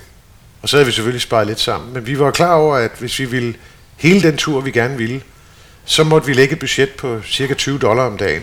Alt inklusiv. Ja. Også ophold. Og selv, selvom det er en del år siden, så øh, kan du næsten regne ud, hvordan hotelstandarden var. Ja, det var helt nede. Den var helt nede. Og, øh, og det var med lokalbusser og songtaus, som de hedder derude, hvor du sidder på ladet af en, af en pickup med sådan en bænk sammen med alle de andre, og så betaler man 5 rupees eller 10 øre eller en krone for at blive kørt 300 km. Øh, men det kan jo fint transportere sig, som hvis du ikke har mere, end du kan bære på. Vi havde ikke noget kamera med, vi havde ikke øh, radioudstyr. Ingenting. Eller, ingenting. Kun, øh, Vi havde selvfølgelig et, et godt stillbilledkamera og tog en masse billeder, og jeg skrev og skrev og skrev, og havde en lille bærbar med mig, og skrev og skrev og skrev på den der rapport. Fordi jeg tænkte, det er godt at få det gjort undervejs, så man ikke kommer hjem med en, en bunke så stor, som jeg ved ikke hvad. Så det, jeg skrev meget undervejs. Ja. Men det var også frem for alt, vi, vi rejste frem for alt for at lære dig at kende, møde mennesker, øh, skabe kontakter, prøve at forstå landet, og, have, og tage den tid, det tog. Vi havde jo ikke nogen vi havde jo ikke nogen deadline på noget som helst. Jeg kan huske, vi, vi startede i Delhi. Der var allerede mange jobs der i forhold til, i forhold til det eksilmiljøet. Der var nogen, der hedder Missima Group, som er en stor, i dag et stort medie i Burma, men som sad i Delhi, Ja. langt væk fra Burma. Og så tog vi toget, bumletoget, helt ud til Guwahati i Assam. Det tog 53 timer eller sådan noget. Det var en pragtfuld tur. Øh, altså med i snit 30 km i timen, jeg kørte. Øh, og man ser jo ufattelig meget, og man Ja, man møder kommer igennem det ufattelig mange mennesker. Og så ender vi der i Guwahati, og øh, så kommer vi ud i Assam og i de, i de syv søstre, som det hedder derude, de der nordøstindiske øh, stater som Mizoram, Manipur, Meghalaya, Nagaland, altså sådan nogle stater i Indien, som hvor jo befolkningen jo ikke er indere, de er asiater, de ligner jo mere burmesere, end de ligner indere. ja. Og øh, foruden at, at man jo konstant har uroligheder derude, det tror jeg stadigvæk, man har, men det havde man i hvert fald også. Altså der var De fleste provinser derude, tror jeg, der er rimelig meget militær. total oprør. Der var ja. 250.000 udstationerede Assam Rifles soldater. Der var øh, soldater alle vegne. Og øh, langt de fleste af landene kunne du slet ikke komme ind i, medmindre du havde et visum til dem. Det havde vi så kæmpet for at få i Delhi og brugt noget tid på det. Ja. Øh, og kan huske, at vi kommer til øh, Manipur, som er den stat, der ligger lige i deler grænse med Burma. Øhm, der ligger en by, nu skal jeg lige huske, hvad den hedder. Øhm, den fandtes ikke på kortet. Der boede 30.000 mennesker. Det var bare øh, aldrig registreret. Nej, det var en smuglerby, som ingen af landene ville anerkende, ja. var en by. Den lå lige på grænsen. Øhm, og der blev der, ind i Burma blev der kørt kemikalier øhm, fra Indien, og ud af Burma blev der kørt øh, narkotika. Og de der kemikalier blev brugt til at lave amfetamin og metamfetamin, som det hedder, og alt det der. Ja. Det var et smuglerred uden lige, og vi lander i den her by i Manipur, altså den, i den stat, som også hedder Manipur, og den by, som jeg ikke kan huske, men vi skrev en lang artikel til Samvirke, øh, eller var det Samvirke, jeg kan ikke huske, et eller andet tidsskrift, det vilde vest i øst, kaldte vi det, ikke? Men, men militæret må jo også have været involveret. Alting, siden den kan få lov til at være der. Da vi landede i lufthavnen, ja. så stod der, altså det var en karikatur, altså du skulle have set dem i sådan nogle trenchcoats med hatte på, som, øh, som kom hen og skulle se vores pas. Alle andre. Vi var de eneste hvide mennesker. Ja. Altså, vi var de facto de eneste hvide mennesker i hele lufthavnen, og vi vidste ikke, hvordan der så ud inde i Manipur by. Og så kommer der altså karikaturen på efterretningstjeneste folk hen og siger, Who are you? What are you doing here? We're just traveling. We are tourists. Der er ingen turister i Manipur, siger han bare. Hvad, vil, hvad laver I? Ja. Jamen, øh, vi vil gerne se jeres smukke stat. Nå, det hjalp da lidt, ikke? Hmm. Men øh, hvor skal I bo? Det ved vi faktisk ikke, men vi har set i, øh, set i et eller andet sted, at man... Øh, at der er nogle hoteller inde i Manipur, som, øh, som har en vis standard. Øh, ja, og så dirigerede de os sådan set ind på det hotel, der hvor de gerne ville have os. Og så kan jeg huske, vi sad der, og der var jo langt over vores budget. Det var nok 25 dollars for et værelse, ikke? Men øh, så kan jeg huske øh, meget tydeligt, at vi sidder ude på terrassen, og der er sådan en lille balkon, og får en kop te. Det er jo øh, spiritus og sådan noget, det er jo bandlys der. Ja. Det er i hvert fald øh, kun sådan noget, nogen kan få. Og hvis man skal have det, så er det, øh, så er det approved by the Assam Rifles, altså den indiske her. For army use only stod der på de flasker, hvis man ville have en flaske whisky. Ja. Så det var noget, der var smuglet ud af baserne til salg i hoteller og dit og dat. Nå, anyway. Så sidder vi der med en kop te, og så kommer der nogle jeeps med maskingevær op på taget, og ud hopper der en hel masse altså soldater, som jeg ser det, med store hjelme, og, og det sådan, foregår meget hurtigt. De ryger ind, og bagerst i kolonnen er der sådan nogle af de der gamle ambassador cars, kan du huske dem med gardiner i? Ja. Den gamle indiske, ja. fuldstændig fantastiske bil. Øhm, og udspringer der nogle civilklædte, og jeg sidder og kigger ned, de går ind på vores hotel. Holy shit. Så kommer der en cortege, fuldstændig man til fra den anden side. Også maskingevær og soldater, og udkommer der, og ind løber alle tænkte, hvad fanden sker der? Og jeg, Lotte, jeg, vi bliver her. Der er ingen grund til at puste til Og øh, med nysgerrigheden drev mig jo. og så åbner jeg sådan døren lidt på klem, så kan jeg bare høre sådan altså 10 lade greb på én gang, og så ned ad gangen 10 soldater, der bare står og kigger. Ikke peger på mig, men hvem er du? Undskyld mig, øh, jeg vil bare, jeg, jeg prøvede, om jeg kunne få en ja. Så viser det sig, at oprørsstyrkerne og regeringen holder møder på det her hotel, for ligesom at finde en eller anden form for våbenhvile, ja. eller hvad det nu er, ikke? Fuldstændig absurd. Øh, meget, meget, meget øh, interessant. Og det, den, det land, øh, altså, der var så mange narkomaner og så meget AIDS, at det er det sted, så vidt jeg er orienteret i verden, der har den højeste koncentration af, af AIDS dengang, ikke? i starten af nullerne. Ja, der var så altså, mange misbrugere. Der var tonsevis af misbrugere, ja. fordi stofferne flød ja. i gaderne, altså bogstaveligt talt. Og det var jo det, som oprørsstyrkerne, altså det var jo en kamp om... Det var om, om, om ruten og markedet, ja. ja. Det er så min vurdering af det, whatever. Ja. Og så har herren jo haft et kæmpe ja. indhug i. Ja. Ellers så kan de udrydde det på... Ja, ja. ja. Og derfor gik det så ellers øh, over stok og sten, øh, Bangladesh og Thailand og Laos og Kambodja og Vietnam og og var det så, var det en på opleveren, ja, ikke? Udover en på opleveren, var det så med hver gang du var et sted, og så grave sig ned ligesom og, og blive specialist på de områder, eller se hvad der... Specialist, det kan man ikke blive så hurtigt, men man kan få en eller anden fornemmelse af, altså øh, bare ved at for eksempel læse alt, hvad man kan af engelsksprogede aviser i de lokale lande, så får man jo et meget godt indblik ja. i, hvad sker der lige nu og her. Og var det også Og jeg kontaktede jo, øh, jeg kontaktede jo, for eksempel var vi i, i Indien, der var vi flere gange til møder i sådan nogle press clubs. Ja. Altså, de går meget op i, at man har øh, nogle klubber. Ja. Det er jo en typisk engelsk model. Det er der også i Bangladesh, og der er i Thailand, og der er jo Foreign Relation Press Officers, og, og dem har jeg altid kontaktet, fordi der sidder jo folk der, som er super gode kilder en anden gang. Ja. Så det var noget med at ud og shake hands. Og, Ja, men var det allerede på den tur, du begyndte at få idéer til dine kommende Ja, programmer? ja det var jeg ikke i tvivl om. Ja, Ja, Han ligger jo en guldgruppe af historier. Ja. Altså når du først ser fattigdommen sådan rigtigt for alvor, Ja. Og tænker, og når du så går ned i deres lille tea-stall, som det hedder, det der lille pind og en lille hytte, hvor der står en og laver lidt te, hvor der altid der sidder nogen på eller vej, på vej til eller på vej fra arbejde. Hvis man så er ude i et industriområde, sådan på kanten af det, hvor slummen tit ligger, og så sætter sig der og drikker en kop te, så har du jo de første 10 historier. Ja. Fordi det er jo bare at spørge. Det koster jo ikke noget at spørge. Mm. Altså, do you speak English? Ja, det, mange af de her lande taler folk jo et hederligt engelsk, de forstår i hvert fald godt mm. meget af det. Nå, men hvad laver du? Jamen, de er jo så en eller anden syrske, eller han, var, han arbejder i en eller anden fabrik, der producerede skin, eller sådan noget. Nå, eksporterer I? Altså, oh, big export. Okay, så er vi ligesom i gang. Hvad hedder Ja. fabrikken? Ned på papir, ikke? Hvem laver I til? Og, Ja, ja, og hjemme og, hjemme og research, ikke? Ja. Videre. Og så finde pengene og komme afsted. Ja. Og det er der, vi laver vores blockbuster første store film i 2005, Så det er når to- dræber. Så det er to år efter, I kommer Det hjem? er t- t- vi kommer hjem fra den der tur i sent i tre eller i begyndelsen af fire, Ja.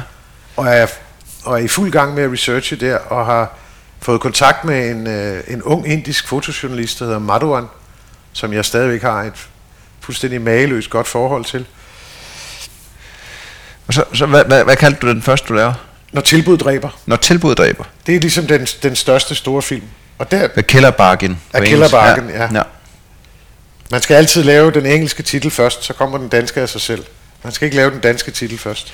Øh, det er egentlig i tvivl om, den der, altså, nu, nu, den var for DR, Ja, men blev solgt til en masse lande. masse lande. Producerer du direkte på dansk, eller producerer du direkte på engelsk? Øh. Med øje, når du går i gang. Altså har du det engelske, producerer, du selvfølgelig skal du snakke engelsk med dem, men Ja. ja. producerer den ligesom engelsk først?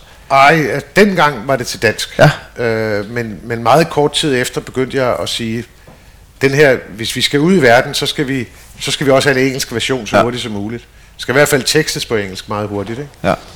Og når tilbud dræber, den handler om tekstilsindustrien, ikke? Den handlede om tekstil, altså bomuldens vej fra jord til bord. Ja. Og det, det gik- foregik jo ved, at vi gik ind på strøget i København og filmede, at jeg købte et lagen Ja. i en butikskæde, der hed Indiska.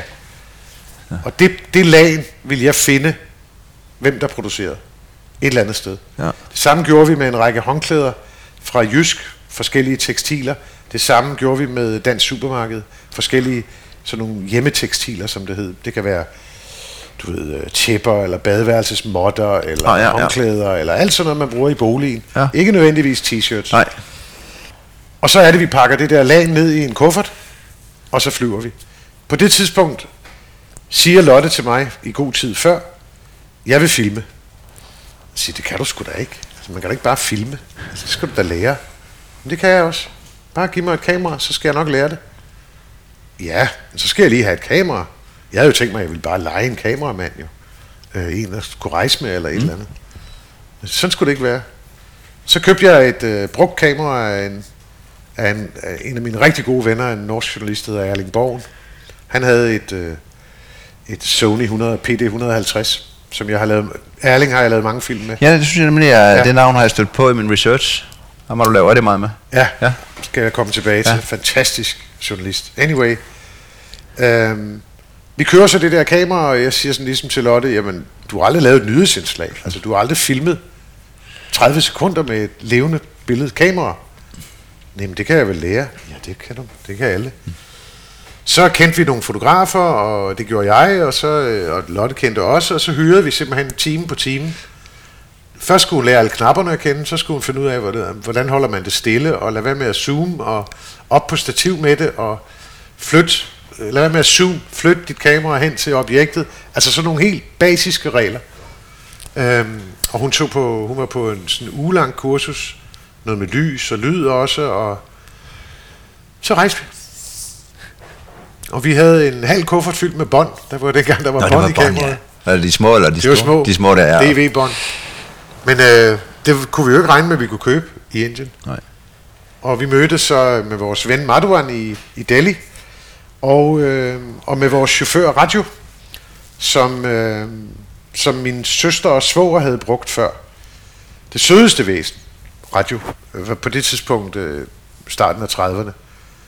Øh, også fra Delhi. Og så tog vi på landevejen i seks uger. Der var ikke nogen problemer, når I kørte med så mange bånd og journalistisk udstyr. Nej, Det- det det var, var vi ikke- selvfølgelig nervøs for, Ja. fordi vi var selvfølgelig rejst ind på turistvisum. Ja.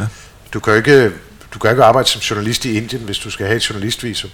Ej, det er Altså, nok det- lidt svært at sige, at, hvad vil I lave? Jamen, vi skal lige ned og Ja. filme nogle fabrikker. Krav, kravet er jo, at du, du sender dem et storyboard. Ja. Altså, hvad handler historien om? Og så vil de vide, hvem man skal snakke med, og hvornår man skal snakke med dem. Så kan du jo være helt sikker på, at du kommer aldrig til at møde dem. Nej. De er der tilfældigvis ikke. Så selvfølgelig, men de der forholdsregler, dem, dem har man jo sådan, at de bånd, man har optaget, dem har man i rygsækken. Altid. Dem forlader man ikke. Nogensinde. Nej, på hotellet og sådan noget. Nej, nej, nej, nej. De er i rygsækken. I dag har man jo harddisken i rygsækken, eller Ja. kortene. Og lave kopier. Og... Ja, ja, ja, kopier, kopier. Det kunne man jo ikke dengang. Nej. Så det var noget med at passe på dem rigtig godt. Og så rejste vi jo sådan set rundt og fulgte bomuldens vej fra, fra øh, bomuldsbælterne i nord op i Punjab-provinsen og hele vejen ned til Gujarat, hvor Keminova, den danske Keminova, havde en fabrik, der producerede noget af de mest nederdrægtige sprøjtegifte. Så bliver til brugt bomuldsbånd. Til bomuld. Ja. Hvad med farvestoffer og sådan noget? Det kommer vi, Ja. jo, det kom vi jo også ned og så ja. nede i, øh, i Rajasthan, nede i noget, der hedder Sanganer-området, uden for byen Jaipur.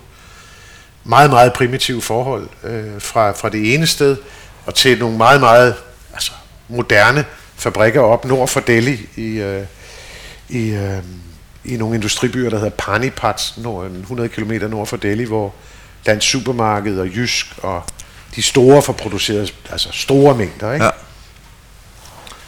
Så selvom det var større og mere moderne, så var forholdene ikke bedre. Nej, for helvede. Nej. Altså alt deres spildevand, det, altså, du, kunne se nogle røde søer uden bagved fabrikkerne. Altså nogle gange var de røde, andre gange var de blå, men sådan, den grundfarven var sådan mørkerød. Øhm, altså sådan 200 gange 200 meter ja. store bassiner.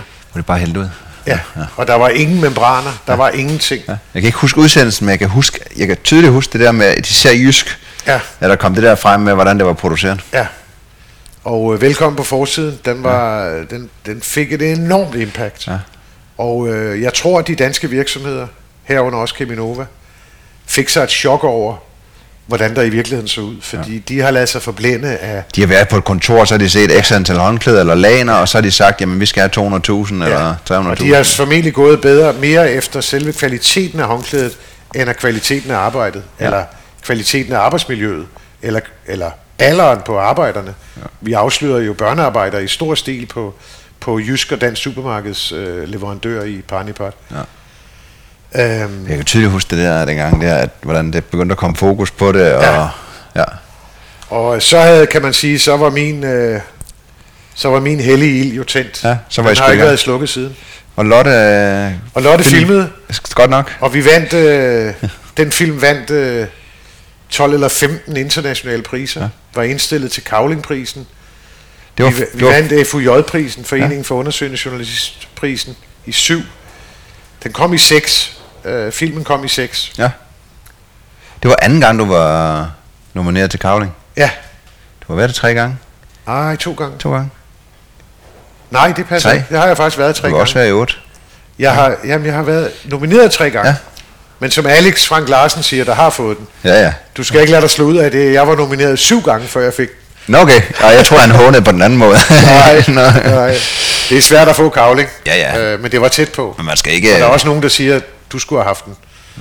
Men når man bliver nomineret, så er man også tæt på. Ja, ja, det er meget fornemt. Ja. Ja. Det er meget ærefuldt. Men det var da en god start på at være selvstændig. Det må man sige. Var det også, altså, det var også et eventyr, så nu når vi sidder og snakker eventyr, det der med at, at grave ja. Ja. sig så dybt ned i. Ja, men jeg, det elsker jeg jo. Det er jo selve journalistikkens ja. DNA. Og så er der da også et, et ekstra ben, når I laver det sammen. Ja, ja. Vi har jo, hvad vi to ikke har oplevet, Ja. ja. Lotte og jeg, det er fantastisk. Altså, øh, det synes jeg har været den største gave. Jeg tror ikke, jeg tror heller ikke, jeg var taget alene afsted i seks uger.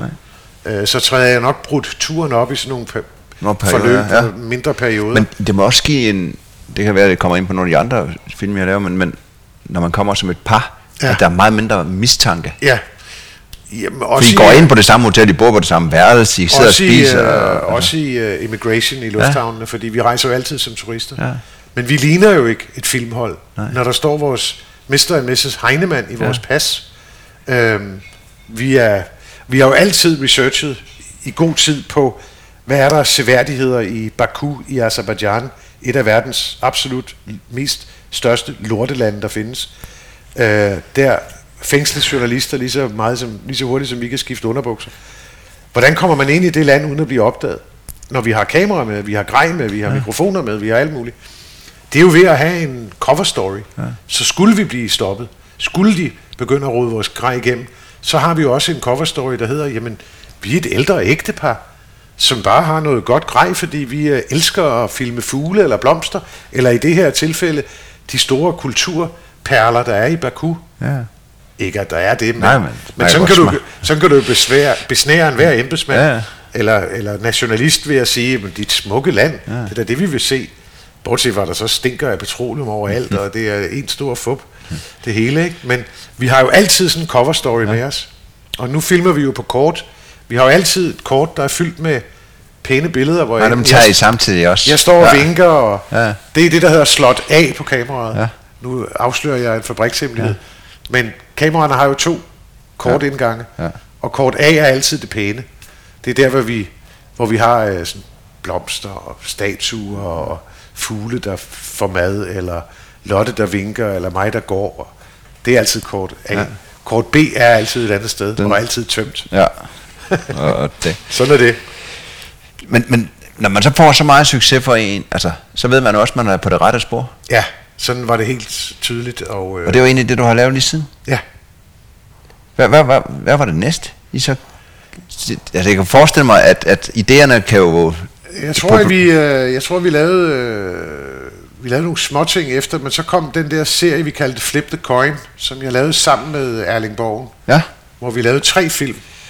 Hvor den ene film handlede om øh, den bitre smag af te, øh, og et tårn af løfter, ja, og så havde jeg lavet Erling en i Norge, som hed, og det kan jeg ikke huske, men den, de blev jo lavet, designet specielt til de danske, norske og svenske seere, ja. Public service, altså SVT, NRK og DR. Og når du siger designet, er det fordi man har en programkrav i de lande? Ja.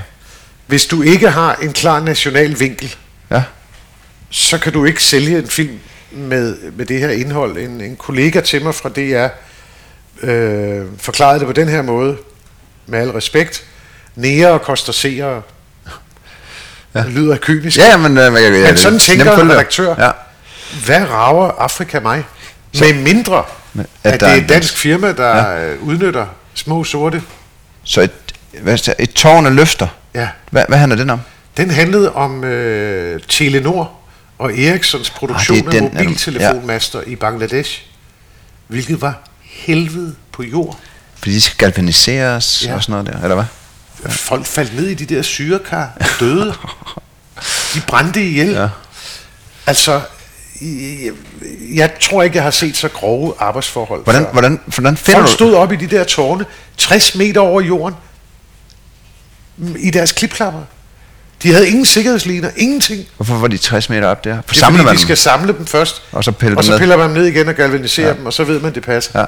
Først svejser man de der, og så gal... ja. Men- Hold nu kæft, Erik. Jeg har hvordan- aldrig set noget lignende. Det kan jeg. Hvordan, hvordan finder du den historie? Det er jo så der, at nu er vi så allerede nu er vi helt tilbage til, hvor jeg, hvor jeg rejser rundt og, og skaber et netværk. Ja, Altså venner. den første tur faktisk. Ja, ja. man kan sige, hvordan finder jeg en fixer i Bangladesh, som vi kalder det? En ja. fixer er jo en, en, ikke alene en tolk, men det er også en, der kan researche, det er en, der kan tage ud og snuse, ja. være mine øjne og ører, mens jeg sidder hjemme og prøver at planlægge turen, ja. Og en, som stoler på dig, fordi uh, han bor et sted, hvor han får... hvor han kan dø af Ja, det her. det er ja, ja. Og, øh, og det, det, det er jo en anden sikkerhedsaspekt, som vi jo altid diskuterer meget grundigt, når vi, når vi begynder at undersøge sådan noget. Det vi skulle have, det vi skulle have på plads med tårn og løfter, det var jo, hvad er det for nogle fabrikker, der leverer varer til, til uh, Telenor og Ericssons, altså ja. svensk og norsk selskab. Og Telenor er jo også dengang 53% ejet af den norske stat. Ja.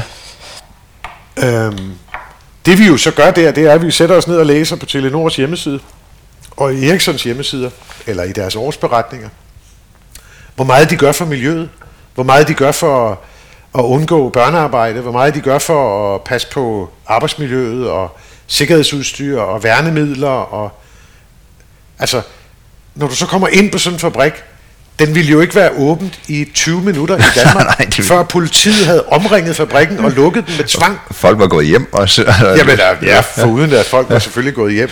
Men hvis, hvis du bare forestillede dig, ja. hvor slemt det var, og tænker sådan, prøv at overføre det til danske forhold, eller norske, eller svenske forhold, det ville jo aldrig ske. Nej.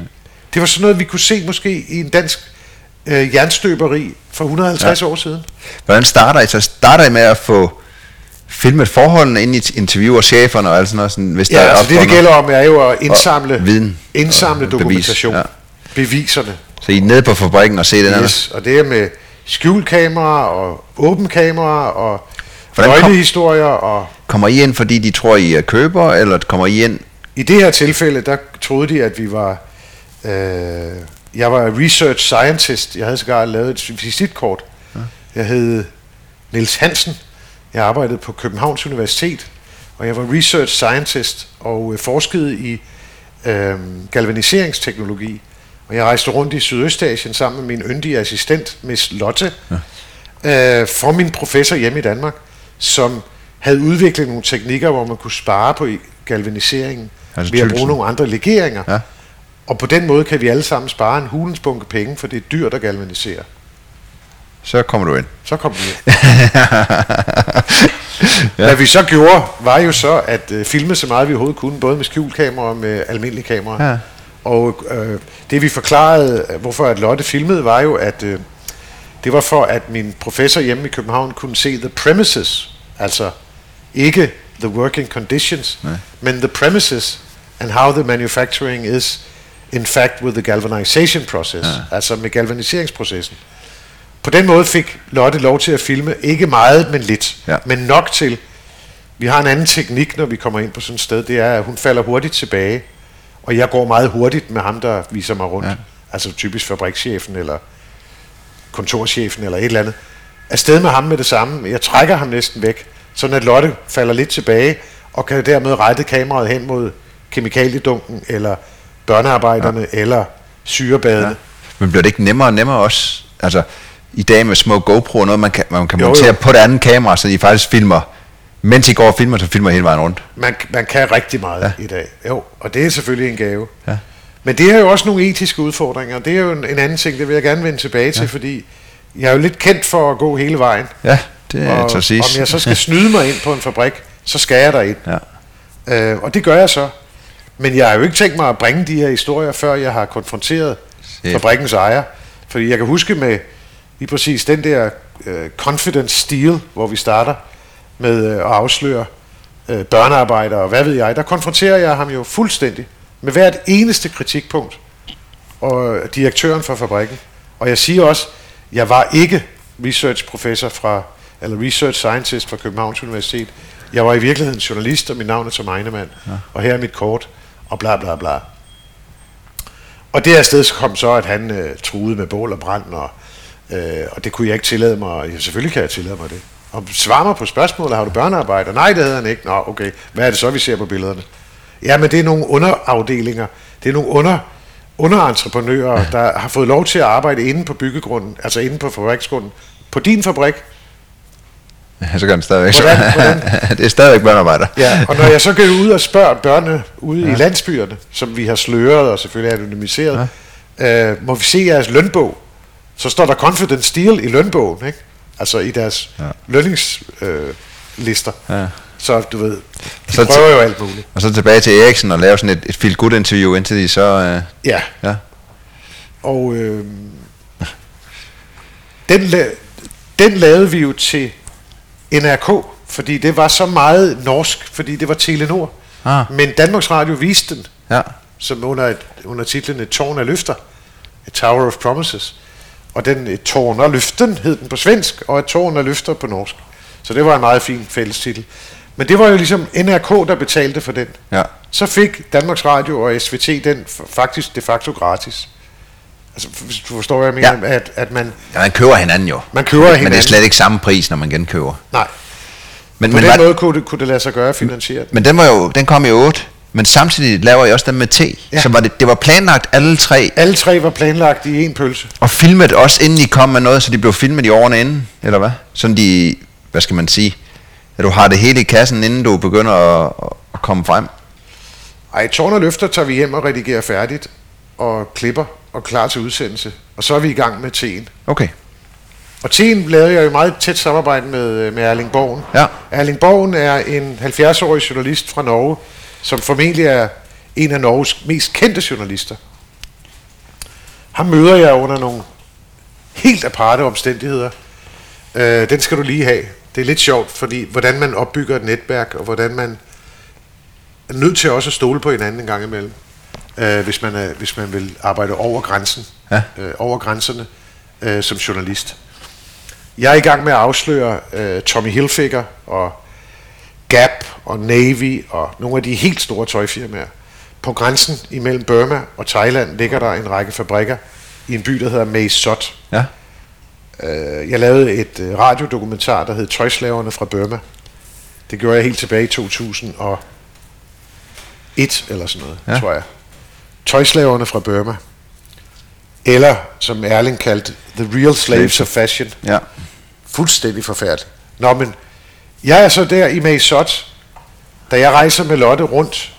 Nej, det er sgu før det. Jeg, jeg er i Mae Sot for at undersøge det her. Nu skal jeg lige holde snoren ren her med tid. Vi har været på vores tur, så det her det er i fire. Ja. Tre eller fire må det være. Mm. Vi, har, vi har besøgt Mae Sot. Vi har i øvrigt også besøgt de der store flygtningelejre, der ligger på den thai-burmesiske grænse, som stadigvæk er flygtningelejre, hvor at flygtninge fra Burma stadigvæk sidder Ja, nu er der kommet endnu flere. Ja, og der er endnu flere. Ja, de sidder så over på den anden side ja. og hedder Rohingya. Ja. Men de her over hedder Karanier og Karener, Okay. som, sta- som stadigvæk ikke kan vende hjem.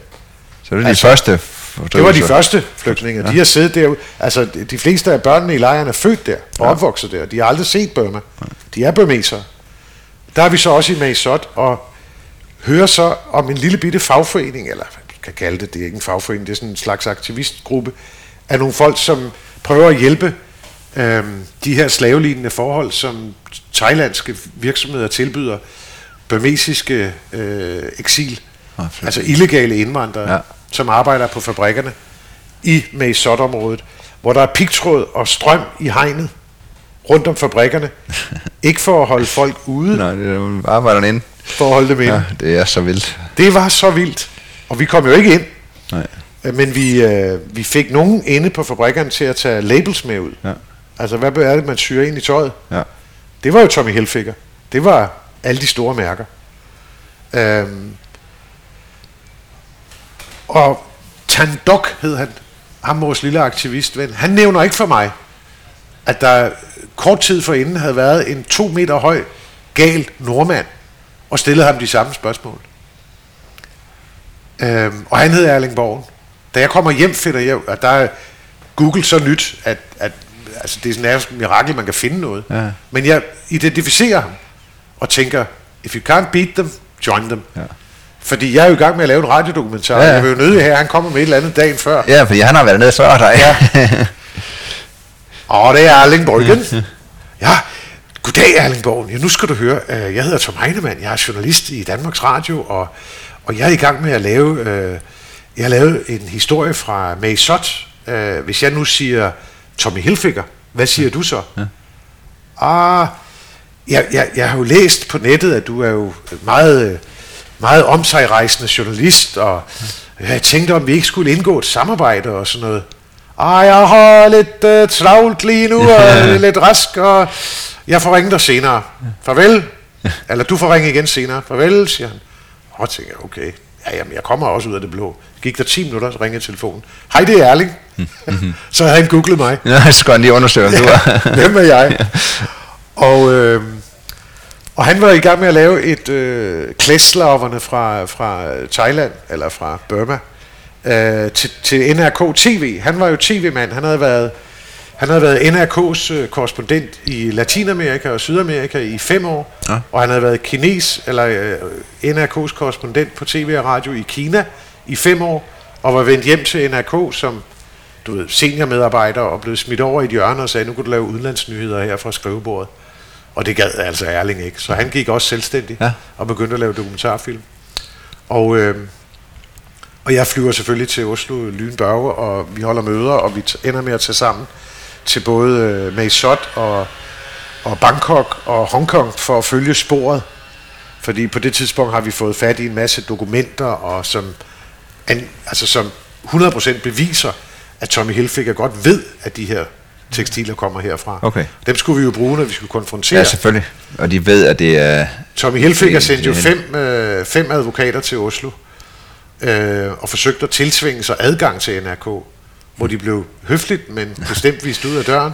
Og de lige glemt, hvad skandinaviske medier er. Ja, og, at, øh, og da så Erling endelig fik lejlighed til at konfrontere dem, så... Øh, vi havde jo puttet papirerne, altså dem havde vi jo ikke lagt frem med det samme. Men vi ville have dem til at sige, at det her det er 100% kopivarer. Det har vi intet kendskab til. Mm. Lad dem bare trække dem ud. Det er det, vi kalder Bambi-effekten i journalistikkens verden. Ud på isen med jer. uh, og den bliver tyndere og tyndere. Uh, men kom med alle jeres løgnehistorier. Og så kommer de jo med deres løgnehistorier, og så lægger du først dokument på bordet. Det her det er et eksportdokument, der er underskrevet i uh, USA. Og uh, det her tøj, det skulle via Bangkok til Hongkong og, og sejles til, til Canada og sælges i USA under det her mærke. Og det mærke er jeres importmærke, øh, og i importnummer i USA. Så der er vist ingen tvivl om, at, øh, at jeres tøj kommer derfra. så begynder Tror du, det var underholdende? der blev vi altså jagtet i Hongkong. Altså, der vil jeg sige, at det er et af de farligste øjeblikke i, vores, i mit liv i hvert fald. Der troede jeg fandme, at vi var ved at komme alvorligt galt. Under researchen eller efter? Nej, da vi var nede og konfrontere. Ja. Så satte de folk efter jer? Ja, og vi havde en, uh, Erling havde en uh, kinesisk kameramand, som hed Chang Wei. Og Chang Wei, han uh, kan godt se, uh, hvor folk kommer fra, og hvem hvor folk ikke kommer fra.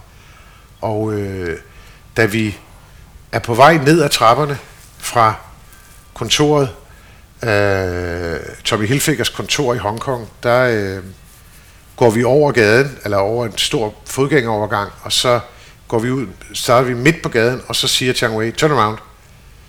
Og så vender vi om, fordi man hører, hvad ens fixer siger. Ja. Hvis ens fixer siger, gå, eller ud af fabrikken nu, det har jeg selv oplevet mange ja. gange, nu er det ud. Fordi så begynder det at blive for farligt, og så bliver der måske talt et sprog, jeg ikke forstår.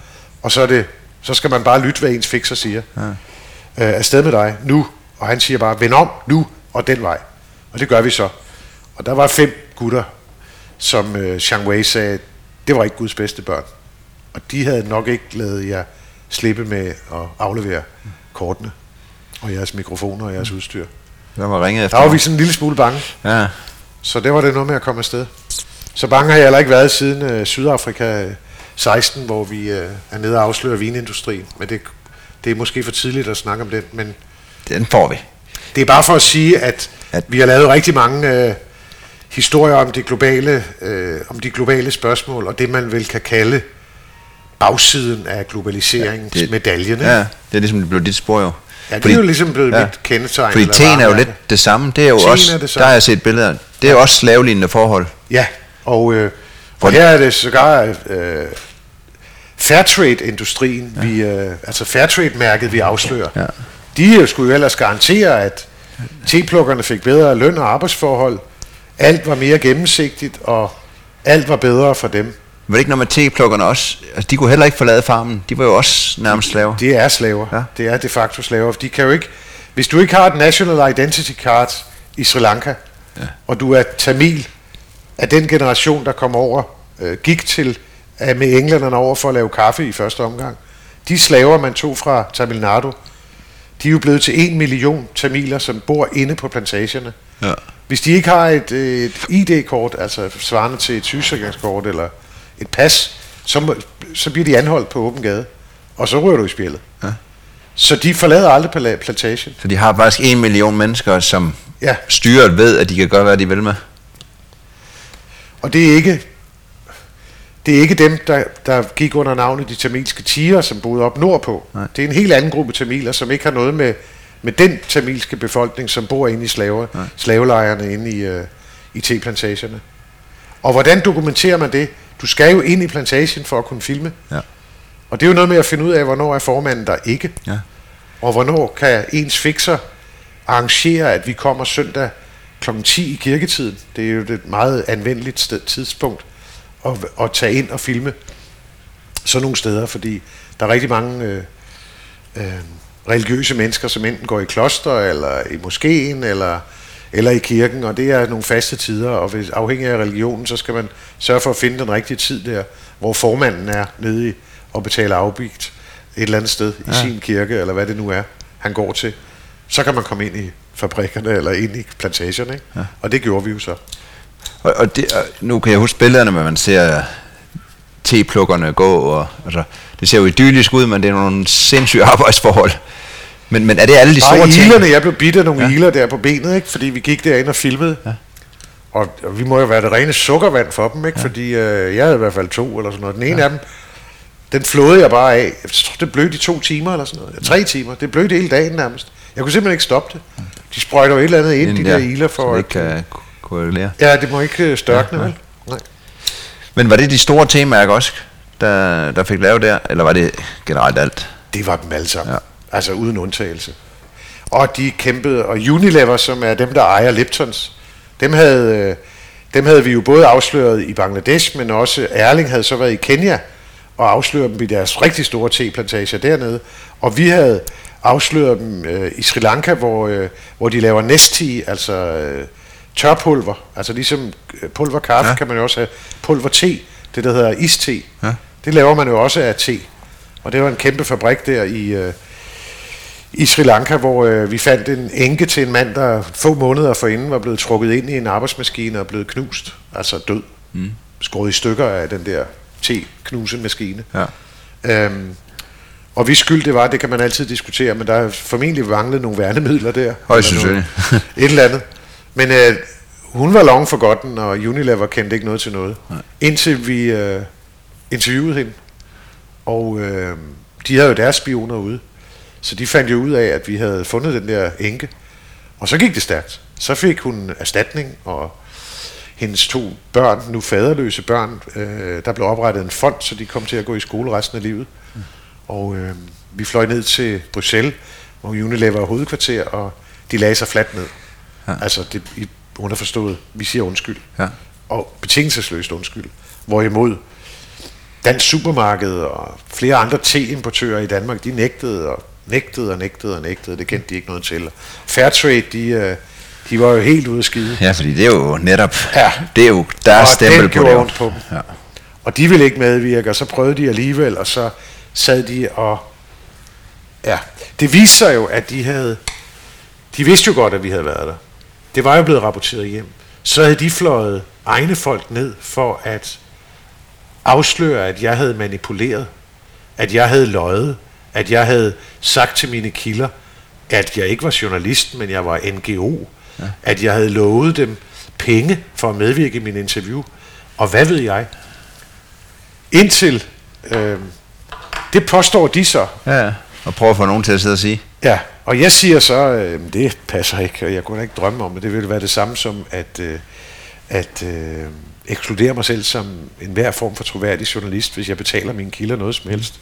Så det har jeg ikke, og i øvrigt, den kvinde I nævner, som jeg angiveligt skulle have betalt med noget mælkepulver, øh, hun medvirker slet ikke i udsendelsen, jeg har slet ikke interviewet hende, så jeg ved ikke, hvor I har hende fra.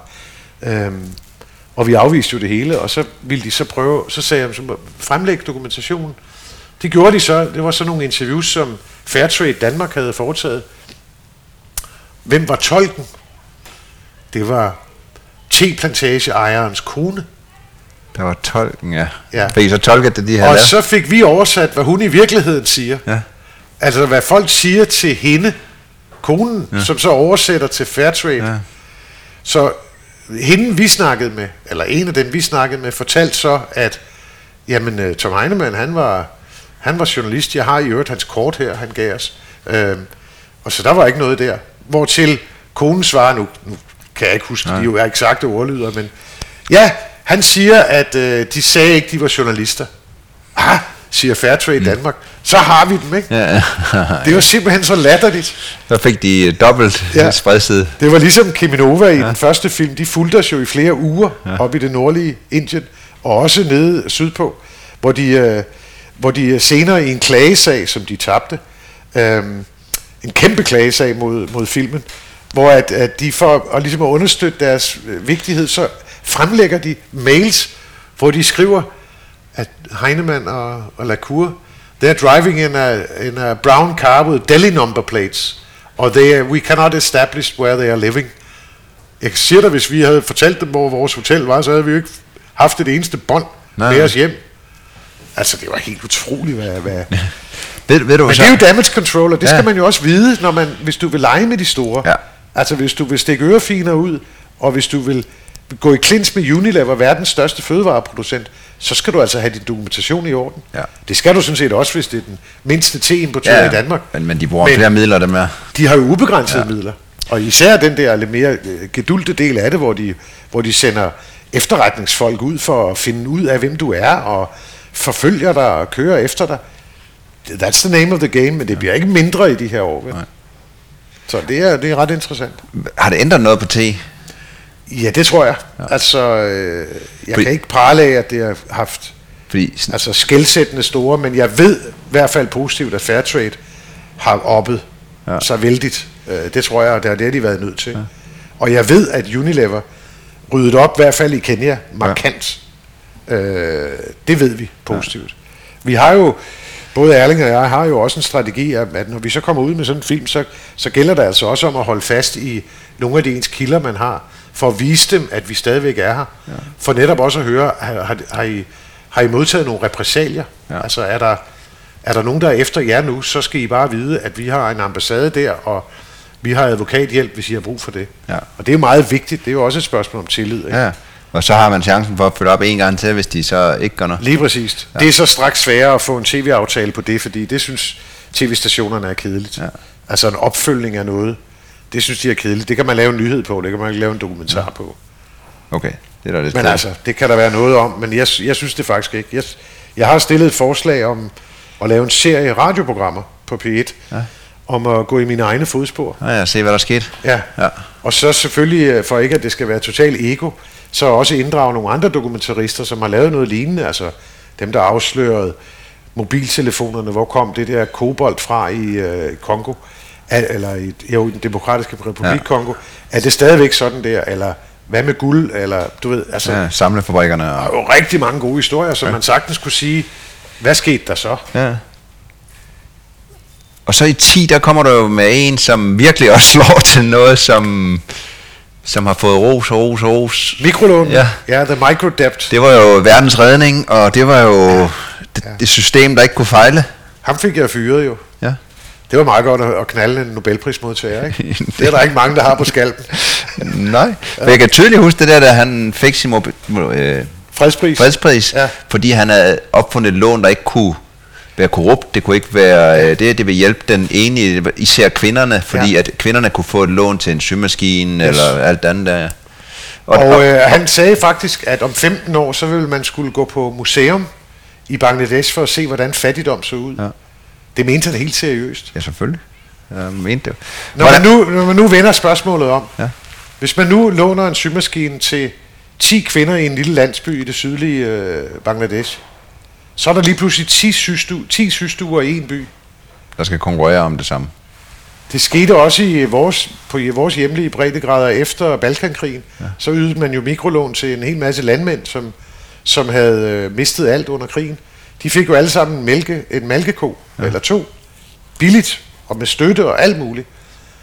Men hvad betyder det for mælkeprisen? Ja, den... Altså hvis man, hvis man som udgangspunkt siger, at en liter mælk i et jomfrueligt område koster 6 kroner.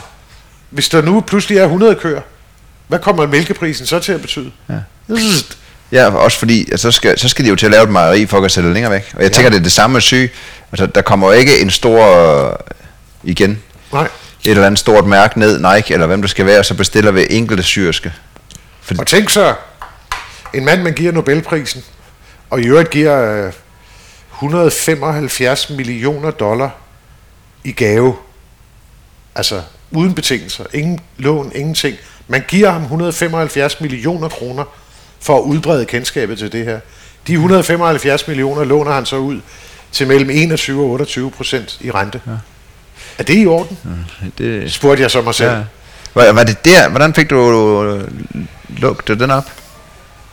Der havde været nogle skriverier om, om øh, mikrolån. Ja, Øh, og nu skal jeg prøve at tænke mig om, hvis jeg skal huske præcist, hvor jeg den lige rammer, at det her, det kan simpelthen ikke være rigtigt. men det må være sådan en, altså, er en passion, du har, det der med, at når der er noget, der rammer dig, så, det kan ikke være rigtigt. Det kan nu ikke være rigtigt. Så kan det er for bare godt grave. til at være ja. sandt. Eller, det må vi, jeg undres. Ja. Jeg undrer mig. Jeg tror, det er, det er også blandt andet i den forbindelse, at, at, at der er en mand, der helt seriøst stiller sig op og siger, at fattigdom i Bangladesh, det kommer I til at se på et museum om 15 år. Ja. Så, så, så godt er det. Og du begynder, efter han har fået øh, Nobelprisen, ikke? Ja, ja. Ja. ja. ja, ja. Øhm, jo, jo, det er ja. længe efter. Øhm, og jeg tager jo til NRK. Ja. Det er der, jeg sælger historien. Fordi de har jo ligesom, de har jo uddelt Nobelprisen.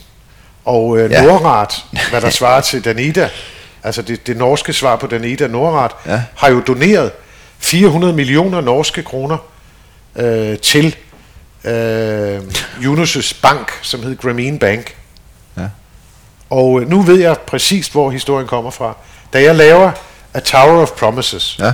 et tårn af løfter, der er det jo, fordi jeg undersøger Telenors datterselskab i Bangladesh, der hedder Grameen Phone, Ja. som er en del af Mohammed Yunus' konglomerat af selskaber, ja. hvoraf det hele drejer sig omkring en bank, der hedder Grameen Bank.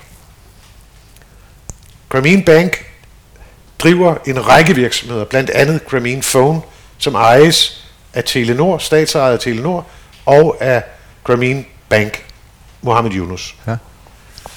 I den forbindelse er der så nogen, der siger til mig, jamen de der mikrolån, de er jo helt sindssyge. Øh, hvad fanden mener du med det, siger jeg så. Jamen, øh, folk øh, ender jo i gældsfælder. Gældsfælder? Jeg troede, det var verdens redning, det her. Ja. Så tager vi faktisk et par dage fri, Lotte og jeg, sammen med vores fixer, Said, og rejser ud på landevejen og siger til øh, chaufføren, at det derovre, bagved derovre, rismarkerne, er det en landsby? Er det en landsby? Og I siger, at alle landsbyer har mikrolån, så lad os køre derover. De havde aldrig været der, jeg havde aldrig været der. Vi Køber kører ind. og der er altid den der T-stall. Bemærk mig, Ja, bemærk igen. det. Hver gang du er ude at rejse, ja. i hvert fald i Asien, start i T-stallen. Ja. Ind der, sæt sig ned, bestil en kop te. Få en smøg eller en pip tobak, så kommer de jo af sig selv. Og, øh, og det er jo som regel mænd i Bangladesh, der approacher egentlig ikke så meget kvinder. Men jeg spørger, ja, men har din kone et mikrolån? Ja, ja, ja. Men hun kommer der i øvrigt. Nå, jamen, må jeg snakke med hende? Jamen, det må du da gerne. Så hen til hende, og så spørger madam, jeg hedder Tom Heinemann, jeg er journalist i Danmark, jeg interesserer mig meget for de her mikrolån. Øhm, har du et mikrolån? Ja, siger de så. Jeg har syv. Har du syv? Hvorfor har du syv? Ja, det er fordi det sidste lån brugte jeg jo til at betale de andre seks, fordi jeg var kommet, I was overdue, som det hedder. Jeg er kommet bagud med mine månedlige betalinger. Nå, har du et mikrolån i Grameen Bank? Ja, ja, det har alle her i byen. Nå, næste kvinde, næste kvinde, næste kvinde. Og der lavede vi lidt prøve, prøveoptagelser, altså nogle små interviews. Nogle små interviews, og så tog vi hjem og researchede videre. Og så finder jeg en forsker, en englænder, som sidder i London, øhm, eller faktisk er gæsteprofessor på et øh, universitet i Bosnien, men er også tilknyttet Overseas Development Institute i London, som hedder Milford Bateman. Øhm, han er økonom og forsker i det her, og siger, at bollocks, det er løgn. Det kommer, folk kommer ikke ud af fattigdom. Tværtimod, de bliver endnu fattigere. Jeg tænker, det har jeg sgu aldrig læst før. Så begynder jeg at searche på det, og får fat i Milford Bateman og siger, Gud, er der en journalist, der vil tale med mig? De vil jo aldrig tale med mig, de vil jo kun tale med den positive side, her ja. kan vi redde hele verden. Jamen siger jeg, jeg vil gerne tale med dig. Så mødes vi, og så begynder han at præsentere mig for kolde fakta, kolde fakta, altså rentesatser, gældsfælder, selvmord i Indien. Altså langt de fleste selvmord, der bliver begået blandt indiske landmænd, bliver jo begået, fordi de er forgældet af mikrolån. Ja. De kan jo ikke komme ud af det. Slår høsten fejl, så er alt galt. Ja. Og kort fortalt, som jeg forstår det, så er det fordi, man tager et mikrolån. Ja. Det lyder så godt. Ja. Men der, der er en, øh, en rimelig høj rente. Ja. Og tilbagebetaling. Aggressiv hurtig ja. tilbagebetaling på et år, cirka. Ja. Og så når det mindste fejl, så tager man et nyt for at dække det først, og så bliver det den der onde spiral. Øhm, og så selvom de betaler nogen ud, så er det ikke sådan at slippe af med alligevel, var det ikke det? Altså, de, de hænger utrolig længe på dem. Ja, altså det kom jo så vidt, at vi, vi besøgte jo folk i små landsbyer, hvor de der installment officers, altså lånehejerne, dem der var ansat af for eksempel Grameen eller nogle af de andre banker eller finansieringsinstitutter, som finansierede det her, den her fest, de trak jo pandepladerne af folks huse og solgte dem på markedet, fordi du skal betale. Ja. Så når de efter at have taget koen, ja. så tager man så huset. Ja. Altså man tager pandepladerne af, det er det eneste værdi, resten ja. er jo bare siv og ler. Ja. Så tager man øh, potter og pander og sælger dem på, på markedet, eller bare tager dem for at straffe. Altså du skal betale. Ja. Og vil du være grunden til, at man tilbyder det til kvinder? De er mere pligtopfyldende. Ja, de stikker jo ikke af. Nej. For de har jo børnene. Ja. Hvis du lånte pengene til mændene, så var de der stukket af for længst. Ja. Altså, vi var inde og besøge sådan nogle områder i, i Dhaka, hvor der er sådan nogle daglejermarkeder, hvor, hvor folk sidder på gaden og venter på, at der kommer en eller anden og siger, jeg skal have gravet en brønd. Hyr mig. Altså, det er der meget af dernede, ikke? Ja. Fordi arbejdsløsheden er stor. Rigtig mange af dem, det er jo folk, der er stukket af fra landsbyen, fordi øh, vi kan ikke betale, og det der låneofficerer, som kommer og henter penge, de hiver jo hovedet af mig, de truer mig jo med bål og brand. Ja. Så nu prøver jeg at tjene nogle penge herinde, så jeg kan tage tilbage til min kone og give hende pengene, så hun kan betale sit lån. Så hjælp mig med noget ja. arbejde, ikke? Hvad blev reaktionen på det program? Jamen, øh, der blev oprettet øh, adskillige hjemmesider imod mig, de sendte en, øh, de sendte en såkaldt øh, uafhængig filmmaker ud i, i øh, fodsporene på mig. Alle de steder, hvor jeg nævner et navn på en landsby, eller på en person, et eller andet sted i Bangladesh, der har været en amerikansk øh, dokumentarfilmskaber øh, på besøg for at, fortælle, for at fortælle, at jeg er fuld af løgn. Og jeg, dem, jeg har talt med, er psykisk syge, eller er desperate mennesker, som lyver. Og hvad ved jeg, det udgav de en hel serie på YouTube på, altså imod Tom Heinemann. Ja. Og øh, så slog jeg hende op. Gail Ferraro hed hun. Hun havde hun havde ikke noget langt CV, men to af hendes mest betydende film, det var to hyldesportrætter af Mohammed Yunus, altså manden bag mikrolånene, som fik Nobelprisen. Altså hyldesportrætter af ham. Ja. Independent filmmaker. Mm. My ass.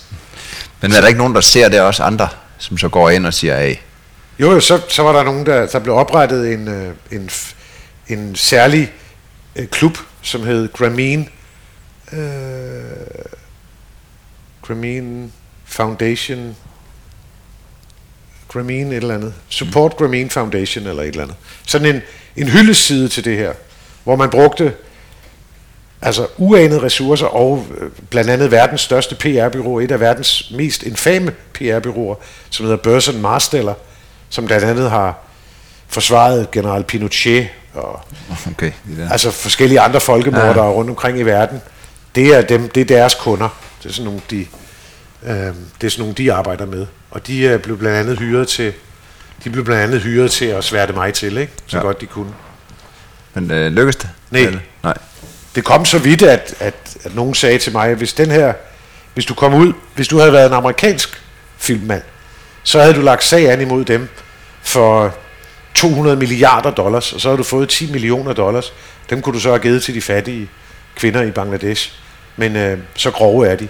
Men i Danmark, og så skal man jo også kunne tåle at få nogle knups, når ja. man er ude med riven. Altså, men, det må jo også være et kvalitetsbevis, at man ved, at man har ret, ja, ja. Når, når de begynder ja, ja. at... Jeg har aldrig beklaget noget Nej. som helst. Altså, jeg har beklaget én ting i orientering. Det er den eneste fejl, jeg har begået. Ja. Jeg påstod, at... Øh, jeg påstod, at øh, rådgivningen, altså ingeniørrådgivningen på byggeriet af den kommende Storebæltsbro dengang, var blevet dobbelt så dyr som, som alle andre tiders øh, rådgivning. Og det var jo fordi det der projekt var et, et pionerprojekt, og det koster penge. Mm. Og I kan huske, du kan huske, at tunnelerne blev oversvømmet, og det hele gik af helvede til, ikke? Øhm, det måtte vi beklage, for det kunne jeg ikke dokumentere. Jeg havde bare hørt det så mange gange i telefonen hos alle mulige, at jeg troede på det. Ja. Jeg havde ikke efterprøvet det. Konfronteret ingeniørselskabet ordentligt. Så de fik et medhold på, at jeg skulle sige, det beklager vi. Ja. Så det sagde jeg så. Så meget desto bedre. 14 dage senere kom der et svar til et folketingsmedlem, at rådgivningsprisen for øh, rådgivning på Storebælt var blevet fire gange så dyr. så, så det undlod jeg så ikke at fortælle Nej. 20 gange i orientering. så kan man godt som de måske, som den opmærksomme lytter måske kan huske, så nævnte vi desværre en fejl ja. øh, i programmet den og den fejl, dato. Fejlen var nu, at det var fire gange. ja, den brugte jeg meget tid. Så var der i, øh, i klagesagen med Kiminova, som, øh, som var 13 sider lang advokatbrev, som jeg så brugte min sommerferie på at besvare Øhm, på Fanø selvfølgelig. Øh, der blev ikke fisket meget den sommer. Jeg sad og læste jure. Øhm, der måtte vi beklage, at vi ikke havde forklaret, at, at nogle små udviskede piktogrammer på nogle af flaskerne, ikke alle, faktisk jo kunne gøre op med, at langt de fleste af dem, der skulle bruge de her produkter, hverken kunne læse eller skrive. Øhm, det skulle vi have tydeligt gjort. Og øhm, det gjorde vi så i en ny version altså vi redigerede versionen, ja. inden vi sendte den igen. Så vi var ikke ude og beklage noget særligt. Men, øh, men det er de eneste to fejl, jeg har begået i mit liv. Ja, ja jeg har begået masser af fejl, ja, men, men ja, journalistisk. Og men jeg er jo blevet påklaget rigtig, rigtig mange gange. Det kan jeg men jeg har du har jagtet hele tiden. 7 9 13 aldrig tabt en sag. Nej.